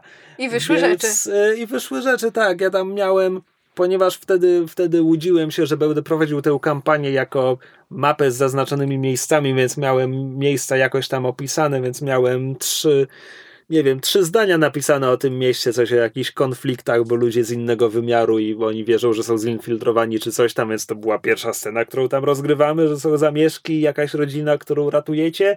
Zresztą była to bardzo istotna scena dla naszych postaci, jak się potem okazało. Jak się potem okazało, a potem poszliście do świątyni tych tam geniuszy Apple, żeby zapytać ich o artefakt i stwierdziliście, to my się mykniemy hyc przez ten portal. To ja wtedy powiedziałem, że naprawdę bardzo muszę pójść zrobić siku i w toalecie wymyśliłem, co będzie za tym portalem. Ale tak, jeśli chodzi o sytuację, z której miałem problem, żeby wybrnąć, to to była ta w znaczy, ramach sesji na podsłuchu. Ja, ja miałem podobnie w, w Goatpunku, widzowie tego nie widzieli, ale też, znaczy to było z mojej winy absolutnie, ponieważ zawaliłem geografię sceny i w, w momencie, kiedy e, gracze weszli do, do, do drugiej części jakby przygody, to nie skojarzyłem, że jeśli wpuszczę Rafała do e, do szybów wentylacyjnych, żeby on poszedł do trzeciej części, E, jakby przygody, e, to, to tracę jednego gracza i nie mogę rozegrać części, która zasadniczo miała być, e, miała być dużo bardziej obszerna, bo muszę teraz wszystko skrócić po to, żeby, żeby nie było bardzo długiego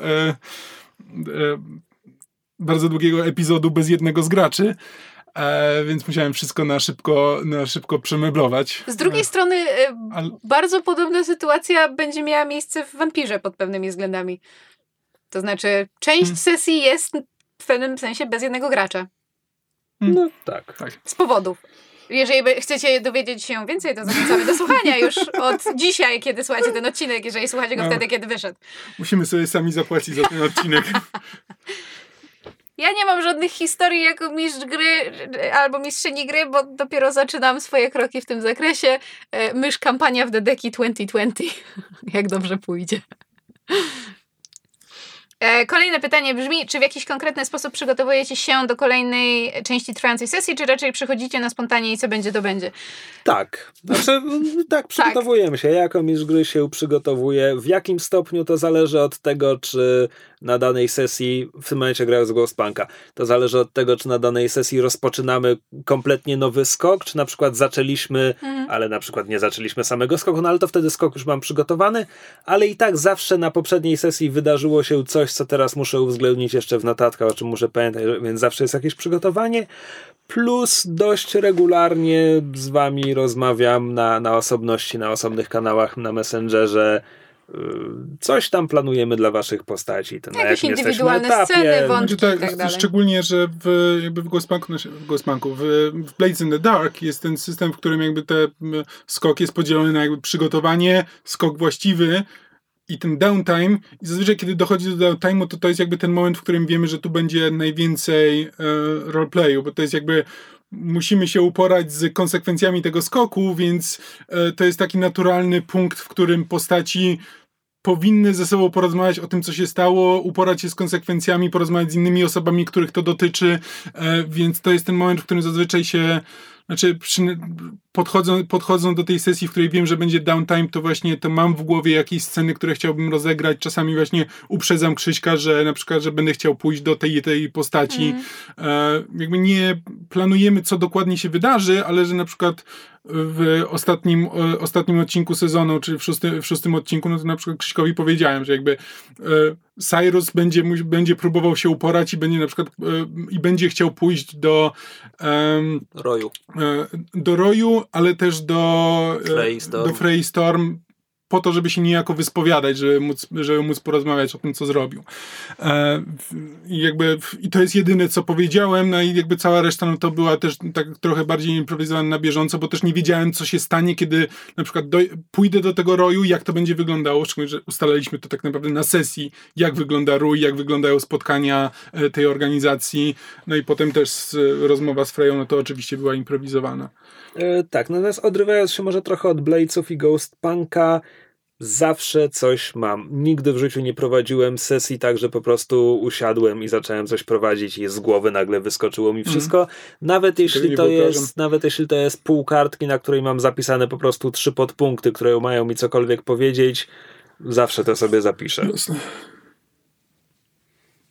Dobra. No, ja się z tym zgadzam. Znaczy, wiem, że są ludzie, którzy potrafią prowadzić w ogóle bez przygotowania, no i szanuję. Ja nigdy do nich nie należałem. E, kolejne pytanie od kolejnego słuchacza slash... E, kolejnego Sebastiana? Mm, czytelnika? Nie. Tym razem od Łukasza. Pytanie brzmi, w którym uniwersum książkowym lub filmowym chcielibyście się znaleźć, żyć? O, przegapiłem to pytanie. Um... Pierwszy raz je czytam. Nie, w sensie jak widziałem tą li tę listę pytań, starałem się mniej więcej coś przemyśleć, a tego przegapiłem. Ja mam chyba gdzieś na blogu starą notkę na ten temat i już nie pamiętam, co w niej napisałam. E, mam wrażenie, że jedną z odpowiedzi mogło być um, to jest um, Terre d'Ange. Terre d'Ange. E, to jest świat z książek e, Jacqueline Carey z trylogii Kushiela. Bo to jest jakby, to jest takie um, Soft porno fantazy? Tak, soft porno fantazy z, z kurtyzanami, z y, bogami, z y, dużą ilością intryg i polityki, ale jakby poza tym ludziom żyje się w miarę dobrze, więc jakbym tam przypadkiem trafiła i musiała sobie poradzić, to może bym dała radę. No właśnie, to jest bardzo... Bo, bo Obszerne pytanie, na nie? odpowiedź na to pytanie zależy to, czy my po prostu mamy egzystować w tym świecie jako jeden ze statystów, Właśnie, to chciałem powiedzieć... Czy jako ktoś jest, z bohaterów. Tak, bo to jest zawsze ten problem, kiedy ludzie na przykład, że chcieliby żyć w średniowieczu, że w jakiej epoce byś chciał, że w, e, w średniowieczu, w, w, nie, w renesansie. Nie, w średniowieczu. Ale tak, ale to jest jakby zakładając, że będziesz tam przynajmniej w klasie średniej, bo jeśli będziesz chłopem, to masz przerąbane. E, więc e, ja mam zawsze problem z tym pytaniem, no, dokładnie taki ale kim tam będę w tym świecie? Ewentualnie, to tak bardzo a propos nadchodzącego serialu um, o ten Mroczne Materie, His Dark Materials, e, bardzo mi się zawsze podoba koncepcja e, daimonów, czyli jakby tej... tej Patronusów. Ciała nie, daimonów. E, czyli tej jakby części twojej, twojej duszy, twojej istoty, która jakby żyje obok ciebie i przybiera postać zwierzątka. Bo kurde, masz własne zwierzątko, z którym możesz gadać i które jest częścią ciebie i to jest super. Więc mogłabym żyć w świecie, gdzie ludzie mają swoje demony. Chciałbym żyć w świecie coachów biznesowych. Po prostu musisz czegoś bardzo chcieć i to się stanie. Wow.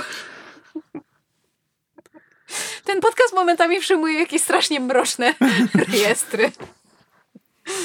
Krzysiu, a ty? A, odpowiedź. Um, jeśli, jeśli, jeśli mógłbym być wśród bohaterów, to uniwersum Marvela, czemu nie? Ale nie jako zwykły szary człowiek, bo tam po prostu jakaś, jakaś super rozruba demoluje ci dom co kwartał, więc, więc może lepiej nie.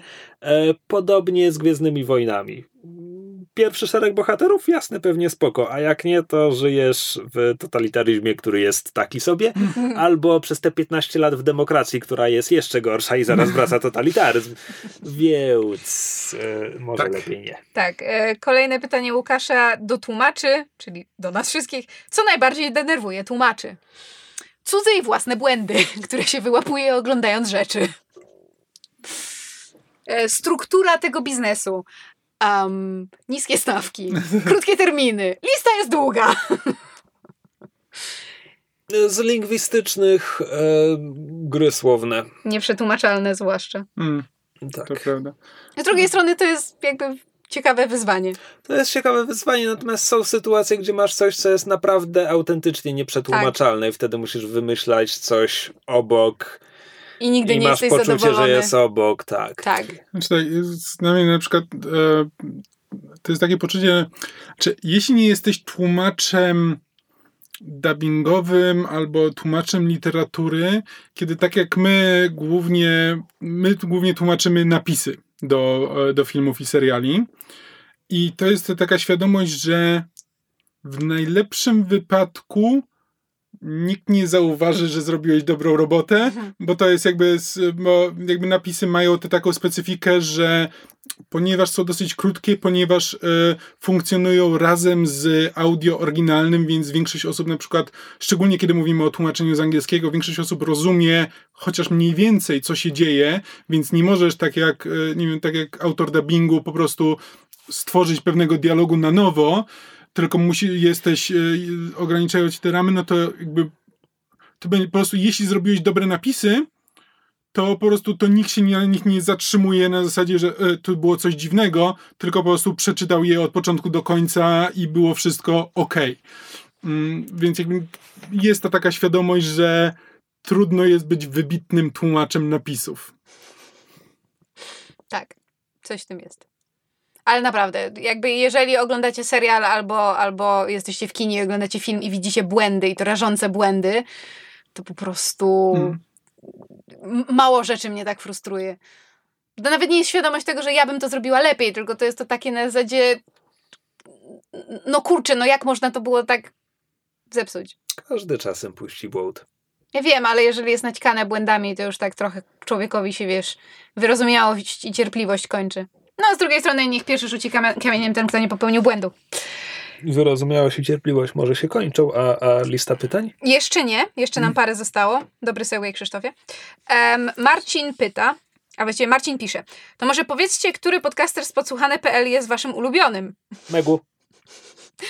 Megu, nie bardzo możemy odpowiedzieć co innego. Nie wiem, ty mogłeś I'm odpowiedzieć right mysz. here, dude! Ale no zakładam, że nie mówimy o sobie, no. Jak nie? Ja chciałam powiedzieć, że ty. Wow. Jakoś założyłem, że myszmasza z tego wykluczamy, nie wiem czemu, no.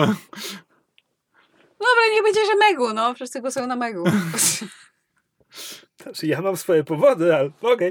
Nie no, bo Ale- Kamil już tak Nie, rzucił. no jeśli nie ja wykluczamy myszmasza, to oczywiście, że jesteś moją ulubioną Dobra, dobra, teraz mi łaski nie rób, no.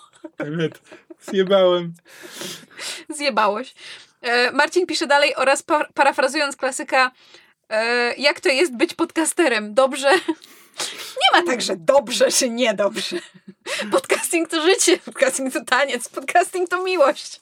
Ja nie poznaję tego klasyka. Jaki klasyk Misja Asterix i Obelix, misja i Kleopatra. Monolog skryby. Tak. Dob- jak to jest być skrybą okej. dobrze? Nie ma Okej. tak, że dobrze czy niedobrze. rozumiem. Ewentualnie moglibyśmy sadzić marchew. Tak. Nie pamiętam tego całego tekstu. Ale podobno ten, podobno po, po Polkonie w tym roku chodziło paru, paru skrybów Otisów, w sensie cosplayerów i podobno każdy miał wyuczony na pamięć ten, ten, ten cały monolog. Więc jak tylko się podchodziło i się zadawało pytanie, to oni dawaj, w cały szpil wchodzili. I to dla mnie to jest tak cudowne. Mua, peak, peak cosplaying po prostu. E, dobrze. Zostały nam jeszcze dwa pytania. A, czyli nie chcemy na to odpowiadać. Okej, dobra. Znaczy, nie- nie wiedziałam, że mam to pytanie potraktować na serio. Okej, nie musimy. Nie, no, Znaczy, no możemy. Nie, no teraz jak już zacząłeś temat, to odpowiedzmy na pytanie, no. Dobrze jest być podcasterem, Krzysztofie? Bywa nieźle. Wow. no nie ma tak, że dobrze czy niedobrze. E, nie no, bycie podcasterem jest dziwne. Znaczy- to jest taki no, poziom... Odpowiedź jest prosta. Gdybyśmy tego nie lubili i nie mieli z tego jakiejkolwiek frajdy, to byśmy tego nie robili, bo nikt nam za to nie płaci. Kropka. Znaczy, tak, to jest trochę tak jak być... Nie licząc tego jednego odcinka. Dziękujemy, pracują. To jest trochę tak jak Albo być... nie, bo za ten nam nie płacą. Nie dziękujemy. Jezus Maria. E, To jest trochę tak, jakby być e, znanym stolarzem.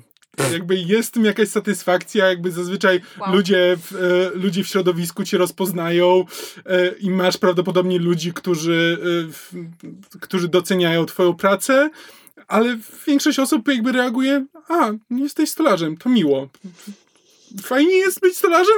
Nie, nie, mylisz się bardzo, ponieważ stolarzy nikt nie zapyta, jesteś stolarzem? Czym są krzesła? Właśnie chciałam do tego nawiązać. Okej, okay, dobra.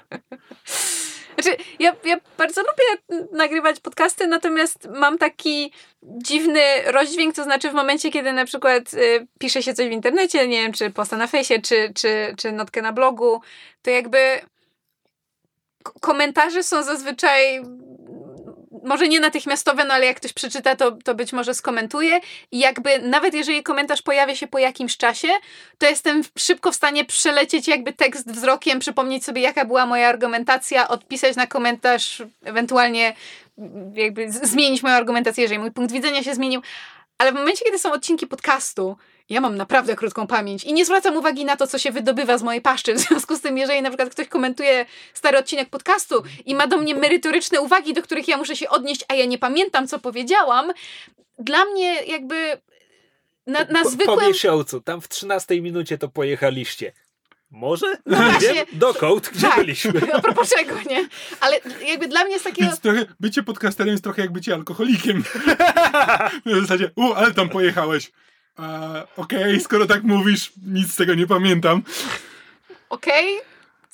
Może nie porównywałabym tego w ten sposób. W każdym razie, zanim mi tak e, dramatycznie przerwano, chciałam powiedzieć, że jakby e, już abstrahując od, nie wiem, bycia podcasterem, czy cokolwiek to znaczy, ale jakby z takiego czysto ludzkiego punktu widzenia i jakby dobrej komunikacji, mnie osobiście to zawsze strasznie jakby uwiera i utrudnia sytuację, no bo jakby chciałabym móc z takim człowiekiem porozmawiać pod tytułem a miałam na myśli to, to i to, mój punkt widzenia był taki i taki, ale ja już po tygodniu jestem w stanie tylko rozłożyć łapki i stwierdzić I mean, I guess. jakby nie pamiętam, no, no już, już mam inne zdanie prawdopodobnie, no co ja mogę? Ja też mam taki problem, że liczyłem na to, że przez ile, 6 lat prowadzimy ten podcast? 6 lat że te 6 lat nauczy mnie trochę bardziej formułowania myśli i e, e, rozwija, e, rozwijania się pod tym względem. Ja się, śmieję się, że, ja się śmieję z siebie, nie z ciebie. Okazuje się, że e, nie, to jest jednak bardziej skomplikowane i ma głębsze podłoże niż przypuszczałem, e, więc tak. No, więc nie ma tak, że dobrze czy niedobrze. E, zostały nam jeszcze dwa pytania. Oba od Magdy, tej samej Magdy, zaznaczę. Gessler? Przepraszam, miał być bez nazwisk. Wow. Eee, dowcip taki po prostu wyrafinowany. Jest późno. Mm, e, więc... Wyrafinowany jak kuchnia Magdy Gessler. Wehej! Dobrze, Magda pyta, do jakiego filmu, serialu, książki możecie wracać wielokrotnie i nigdy wam się nie znudzi? No więc moje e, podstawowe odpowiedzi na to to Wiedźmin, bo kocham Wiedźmina sagę i jakby... Ostatnio wróciliśmy do serialu Wiedźmin, to znaczy ja wróciłam, a Kamil widział po raz pierwszy, bo na serial konie e, miałam punkt programu, właśnie retrospektywę Wiedźmina, w związku z tym postanowiłam podejść do tematu poważnie i sobie go przypomniałam. Kamil go oglądał i cierpiał wiece. No, jaki jest ten serial, każdy mniej więcej pamięta i wasze wspomnienia prawdopodobnie są trafne. E... Miał 3,5 dobrego odcinka. Może 2,5. Nawet trochę więcej. E, ale tak. Mm, natomiast y, książki Sapkowskiego, y, w sensie jakby saga o Wiedźminie, to jest, to jest coś, do czego mogę wracać bezustannie. A drugą taką książką, do której wracam, e, dwie właściwie książki, do których wracam raz na parę, parę lat. Jedno to jest Biały Kieł. Nie wiem dlaczego, po prostu bardzo, bardzo lubię biały, Białego Kła. E, książka mi szalenie działa jakby na z jakiegoś powodu na wyobraźnię, mimo że jakby to, to, jest, to jest książka o, o, o zwierzątku, prawda, na, w Stanach Zjednoczonych przy jakby, tam się nie dzieje dużo, ale z jakiegoś powodu zawsze, zawsze strasznie na mnie, na mnie działała. A druga taka książka, którą ubóstwiam sobie czytać co parę lat i odkrywać w niej nowe, e, nowe warstwy i jakby nowe emocje, to jest Carrie Stephena Kinga z jakiegoś powodu zawsze, zawsze ta, ta książka na mnie mocno działała i jakby za każdym razem, jak czy, czytam w odstępie kilku lat, to odkrywam w niej nowe, nowe rzeczy. I ja wiem, że bardzo wiele ludzi ma, ma dużo jakby zarzutów do Carrie i ją krytykuje, bo to była jakby debiutancka powieść, powieść Kinga i jest z nią wiele problemów, a ja na przykład, ja bardzo lubię to, jak ona jest skonstruowana, no bo to jest epistolarna książka, w sensie jest stworzona z wycinków, listów, jakby i, i ja bardzo, bardzo lubię, jak ona jest stworzona. Jeśli chodzi o seriale, to mój problem polega na tym, że jakby zwłaszcza w ostatnich, nie wiem, kilku latach, a tak naprawdę jak, jak się nad tym zastanowię, to jednak chyba 10 albo nawet i więcej. Biorąc pod uwagę ilość seriali, które co roku wychodzi, nowych rzeczy i starych, które trzeba nadgonić, jakby ja praktycznie nie mam czasu, żeby wracać do starych seriali, chyba że na przykład właśnie, nie wiem, powtórzyłam sobie całe Penny Dreadful przed prezentacją na konwencie, czy, czy właśnie powtórzyłam Wiedźmina przed pogadanką na konwencie. Jakby jeżeli nie mam konkretnego powodu, to bardzo trudno mi jest znaleźć czas na to, żeby do serialu wrócić. No ale z drugiej strony, jak nie wiem, jak jeszcze miałam telewizor i gdzieś przypadkowo trafiłam na, nie wiem, przyjaciół albo community, no to wiadomo, że się oglądało odcinki jakby nawet jak się je znało, no to nadal Mhm. dawały, dawały ogromną przyjemność. A z filmów, e, film, do którego mogę wracać bez końca, to jest Mumia. I Mumia 2, znaczy w sensie Mummy, The, The, Mummy, The Mummy Returns z Brendanem Fraserem, bo to są po prostu tak dobrze skonstruowane, rozrywkowe filmy, że, że mogę je oglądać bez końca. Um, a kolejnym jest chyba Jumanji i Dogma, bo to są też filmy mojej młodości, które wywarły na mnie bardzo duże wrażenie i też za każdym razem jak do nich wracam, to, to odkrywam w nich nowe rzeczy. Może jeszcze ewentualnie Święci z Bostonu, bo to też jeden z moich ulubionych filmów. A, no i Wywiad z wampirem, który mogę oglądać bez końca. Znam go na pamięć. Nic to nie zmienia. Kocham ten film. Mm, okej. Big Fish jeszcze. Dla mnie... Moulin Rouge. Większość musicali. Ale dlatego, że oglądanie musicali to jest jak słuchanie, to jest ten, ten, ten, to powiedzenie, że jakby lubimy te piosenki, które znamy. Więc z musicalem, musical to jest dokładnie to. W sensie oglądasz musical, bo, bo znasz te piosenki, je lubisz w kółko. West Side Story mogę oglądać w kółko. Skrzypka na dachu. Upiora z operę. Przepraszam. Nie wiem, jak odpowiedzieć na to pytanie. Amerykańscy bogowie? Ty Jakby wracasz do rzeczy. Community widziałeś chyba ze cztery razy, nie? Tak, do community mogę wracać, mogę wracać wielokrotnie. A, jak do tej pory to się zazwyczaj kończyło tym, że wyłapywałem coś, czego Władca Pierścieni! widziałem. Przepraszam. E, Jest musical? Nie, ale do Władcy Pierścieni też mogę wracać. E, community. Okej. Znaczy, są seriale, do których wracam, na przykład do przyjaciół wracam e, z nostalgii trochę. Do Frasera co jakiś czas, co jakiś czas wracam. Nie wiem, czemu to są głównie komedie. Mm.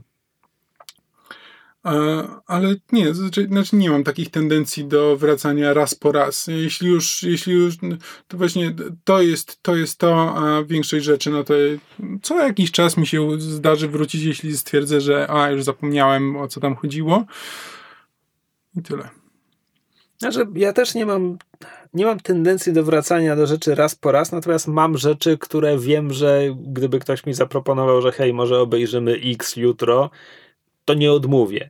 Chociaż widziałem X już wielokrotnie, no to jeśli chodzi o filmy, no to na pierwszym miejscu był do Gwiezdne Wojny, bo zostały moją bajką, kiedy miałem 7 lat i pozostają moją bajką.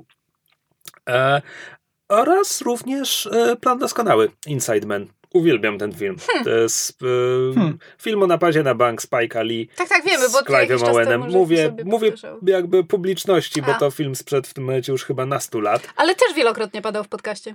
Bo Krzyś go naprawdę lubi. Bo go naprawdę Nie, lubię. ja go ze trzy razy widziałem. Ja go widziałem więcej razy i mogę go obejrzeć jeszcze raz, albo nawet parę. A książka?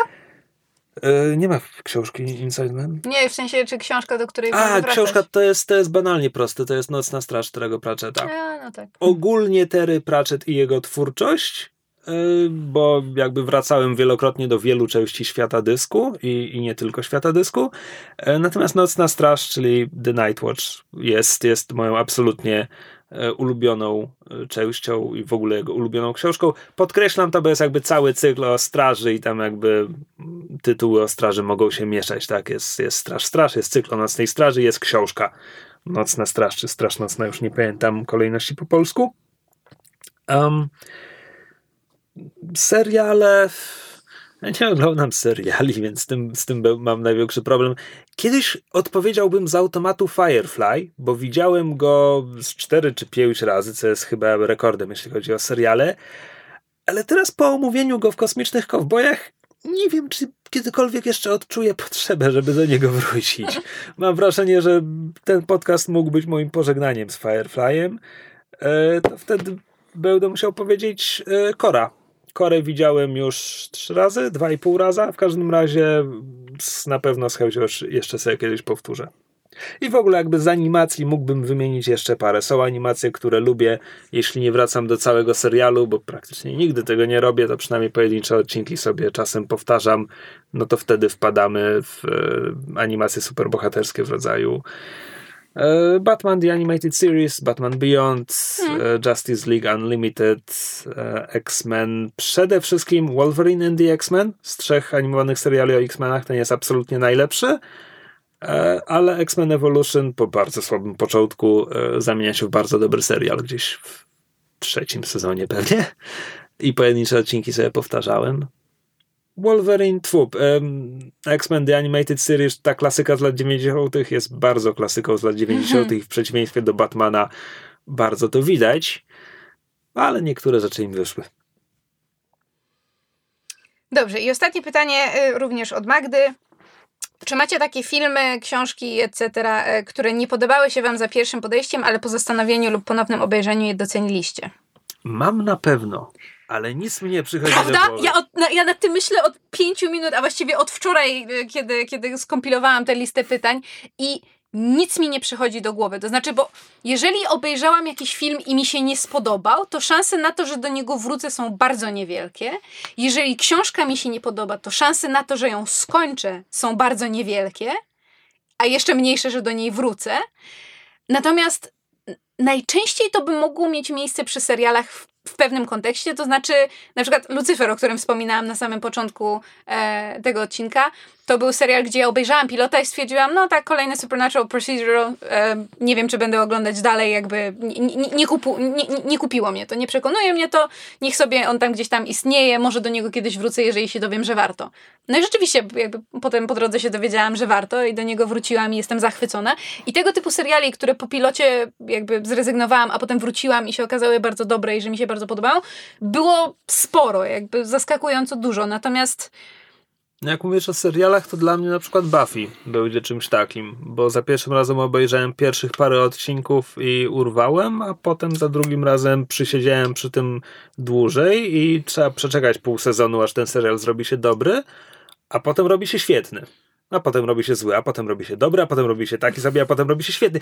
Buffy ma wzloty i upadki. Ja wiem, co dla mnie będzie te e, Star Trek The Next Generation. Ja pamiętam, że ja widywałem ten serial w telewizji, jak byłem mały e, i jakby i mnie interesował, bo to było science fiction i tak dalej. I oglądałem i Jezu, jakie to było nudne, że przecież tam się nic nie dzieje, to jest serial science fiction i tam się w ogóle prawie nie strzelają, tam się nic nie dzieje, tam nie ma żadnej akcji. To, co to jest za science fiction? E, więc no dopiero, dopiero jakby po latach, tak naprawdę do, ja do Star Treka usiadłem dopiero jak e, tak na porządnie tam widywałem potem odcinki na przestrzeni lat, ale usiadłem do niego na porządnik, kiedy, e, kiedy miałem go tłumaczyć. E, I nagle się zorientowałem, że o, ja kompletnie nie wiedziałem, czym jest Star Trek do tej pory. Znaczy, przez lata, przez lata, no to przez osmozę to dotarło do mnie, że jakby Star Trek zawsze był e, powolnym serialem bardziej o jakby filozoficznych przemyśleniach załogi niż o tym, czy to nie zawsze są filozoficzne przemyślenia załogi. Czasami to jest po prostu nudy i gra, kosmiczna gra w klasy. Tak, Przepraszam, tak. Deep Space Nine zaczyna się fatalnie. Nie, ale chodzi mi bardziej o to, że to jest taki high concept, że to ma być, e, ma zaskoczyć bardziej mm, jakby sytuacją, a nie rozwojem akcji. Dobrze, zanim jacyś tre trekis napadną mnie w ciemnym załuku, mam na myśli to, że w pierwszym sezonie Deep Space Nine są naprawdę fatalne odcinki, zwłaszcza ten o kosmicznej grze w klasy. Ogólnie serial na początku ma ciekawą sytuację. Dwie rzeczy, które mi jeszcze przyszły do głowy, ale są trochę obok pytania. Bo autentycznie próbuję coś wymyślić i nie jestem w stanie. Jedno, co mi przyszło do głowy, mogłam kiedyś o tym w podcaście wspominać, mianowicie byłam całe życie przekonana, że ja nie lubię kina wojennego a potem obejrzałaś Furię. Nie, a potem obejrzałam Band of Brothers. I, a potem Generation Kill w bardzo krótkim e, odstępie czasu i się okazało, że ja bardzo lubię kino wojenne, dobrze zrobione. Czy też ewentualnie seriale wojenne.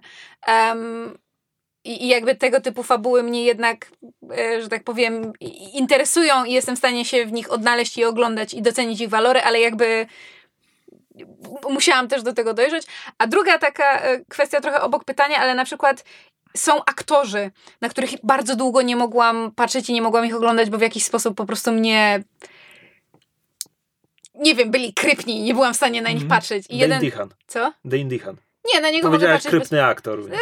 Ale rozumiem, rozumiem twoją, e, twoją odpowiedź, natomiast U, nie. Ten by się nadawał do Slytherinu. Absolutnie. Um, natomiast um, dwójka takich aktorów to jest, jeden to jest Christopher Eccleston, którego po prostu... Ten z uszami. którego w bardzo młodym wieku, w sensie ja byłam w młodym wieku, widziałam w e, takim niepokojącym filmie, to jest chyba debiut e, Daniego Boyla Shallow Grave, Płytki Grób, tam też gra młody Ewan McGregor, em, gdzie grał bardzo niepokojącą postać i, i, i, to mi się bardzo rzuciło, że tak powiem, na psychikę, więc potem, kiedy kiedyś usiadłam do oglądania Doctor Who, e, w sensie Who, od, od właśnie od, od, od Ecclestona, od dziewiątego doktora, to długo musiałam się do niego przyzwyczaić. Natomiast e, innym aktorem, z którym miałam taki ogromny problem, z jakiegoś powodu był James Spader, czyli jakby głos Ultrona z, z Age of Ultron i, i z e, aktor z Boston Legal i z Blacklist. Black, The Blacklist, tak, i z, i z filmu Crash. Nie tego, który wygrał Oscara, tylko tego o ludziach, którzy lubią uprawiać seks w e, samochodach po wypadku, nieważne. W Gwiezdnych Wrotach grał chyba. Być może. W filmie Sekretarka z Maggie Gyllenhaal. No w każdym razie to jest bardzo dobry aktor, tylko chyba właśnie z tego względu, że miałam świadomość, że gra w bardzo niepokojących filmach, plus grał w sporej ilości filmów z lat 80. i też zawsze miałam wrażenie, że gra jakichś takich oślizgłych, krypnych kolesi. W związku z W tym latach 80. wszyscy tacy byli. też prawda. W Gwiezdnych Wrotach w filmie, nie serialu. No, raczej, bo w serialu nie grał. E, to akurat wiem na pewno. Natomiast e, zawsze miałam, jakby patrzyłam na niego i miałam takie. Mm, to jest koleś, z którym bym się, jakby, gdyby szedł naprzeciwko mnie w ciemnej uliczce, to ja bym zaczęła uciekać. Po prostu wygląda jak krypny koleś. A potem właśnie zaczęłam oglądać The Blacklist i odkryłam, że to jest fenomenalny aktor. I jakby nadal patrzę na niego i gdzieś w głowie mam te, te echa tej syreny alarmowej, która się wcześniej rozlegała, ale przede wszystkim teraz właśnie umiem docenić, że to jest naprawdę bardzo dobry aktor i, i oglądałam The Blacklist, kiedy oglądałam Blacklist z ogromną przyjemnością. Więc tak. Nie wiem, przez najbliższe trzy tygodnie będę autentycznie próbowała wymyślić film, który, który, albo książkę, która mi się nie podobała, a potem wróciłam i mi się podobała. Ja chyba po prostu nie wracam do rzeczy, które mi się nie podobały. Musiałby mnie ktoś zmusić, żebym coś obejrzała, co mi się nie podobało, żebym się przekonała, czy mi się po, po czasie podoba. Może powinnam obejrzeć Franka. Albo y, ten Sorry to bother you. Mm. Ojej. U, wiem! Obejrzę American Psycho 2. To był fatalny film, którego nienawidzę. Dobrze. E, to chyba wszystkie już tak. To już wszystkie nasze pytania. Z, e, wszystkie pytania z naszej listy. Wow. Odpowiadaliśmy nawet na pytania, których nam nie zadali. Tak, bo jesteśmy tacy profesjonalni. E, dziękujemy Wam bardzo za pytania, które nam przesyłaliście. Em, mamy nadzieję, że się dobrze bawiliście przy tym hehe, miszmaszowym odcinku Myszmasza. Jak zwykle zachęcamy do kontaktu. Siódmy rok nagrywania podcastu. Ten dowcip zużył się jakiś czas temu. Nie, nigdy się nie zużyje, cicho bądź, cicho bądź. Sam nam wymyśliłeś taką nazwę, to teraz cierp. No, siedzieliśmy w tym studiu piątą godzinę, chciałem już wyjść. I właśnie tak powstają podcasty, proszę Państwa. E, Zamyka się człowieka w studiu z mikrofonem. I Jak przez trzy godziny go nie wypuścisz, to w końcu zacznie gadać. Wy się śmiejecie, ale nagranie pierwszego odcinka tak wyglądało zasadniczo. wiem, bo jeszcze go pamiętam. Poza tym można do niego wrócić, jak ktoś chce je posłuchać, jakie to było straszne. Em, o, Nie. Jeśli chcecie posłuchać e, podcastu, który brzmi jak nagranie z zakładnikami, które terroryści wrzucają do internetu. Swoją Tak, drogą- więc jesteśmy tu, żeby nagrać podcast z własnej woli. Chcemy to zrobić. I chcemy wam powiedzieć o... Gdzie, gdzie ta kartka? Nie widzę. Chcemy wam powiedzieć o filmie jak aktorzy z Gry o Tron, tak? E, dobrze, to już tyle w tym odcinku. E, dziękujemy, że z nami byliście. Jak zwykle zachęcamy, żebyście nam przysłali swoje e, komentarze, kolejne pytania, jakieś swoje przemyślenia do tego, co usłyszeliście. Czy to. biografię, fanfiction, wszystko nam Wszystko przyjmiemy, tak? Zachęcamy do, do kontaktu z nami w ogóle. Jak zwykle możecie pisać w komentarzach pod filmem na YouTubie, czy gdziekolwiek na Facebooku, gdzie znaleźliście ten odcinek, czy wysyłać nam maile na wszystkie różnego rodzaju kontakty, które możecie znaleźć na podsłuchane.pl. Zachęcamy też do słuchania innych podcastów w sieci podsłuchane.pl, wszystkich naszych krewnych i znajomych królika. E, I liczymy na to, że usłyszymy się z wami po tym, jak Myszmasz wróci po krótkich, e, zasłużonych wakacjach. Mhm. W międzyczasie możecie, nie wiem, posłuchać starych odcinków, powystawiać im recenzje na iTunes, posłuchać sobie na Spotify, O, posłuchaj sesji na podsłuchu. albo posłuchać sesji na podsłuchu, których nowy odcinek już niedługo. E, tu, tu, tune in, żeby po, posłuchać wampira. Znaczy, Tak, bo teraz będzie wampir, a zaraz tuż po wampirze będziemy mieli nowy odcinek Ghostpunka. Tak, czerwcu. wracamy z drugim sezonem Ghost Punk. W czerwcu wraca Ghostpunk, więc jeżeli będziecie tęsknić za naszymi głosami, to bardzo zachęcamy. Będziecie też mogli zobaczyć nasze pyszczki na kamerze w Ghostpunku. A, a jeśli bardzo tęsknicie za naszymi głosami i w ogóle nie słuchaliście jeszcze dotąd sesji na podsłuchu, to tam jest tak z 50 godzin materiału z naszymi głosami. No, więc jest co nadrabiać, bardzo zachęcamy. Kto wie, może nawet odkryjecie w sobie zupełnie do tej pory nieuświadomioną mi- miłość do RPGów, co Tak, czasami ma miejsce. Ale jeśli macie siadać do sesji na podsłuchu, to zacznijcie od Ghostpunka. Numenera też ma swoje momenty, ale musieliśmy dojść do tego, co właściwie robimy. To prawda. No. I to tyle od nas. Dzięki, będziemy za wami tęsknić i do usłyszenia w kolejnym sezonie Myszmasza. Cześć! Cześć. Na razie.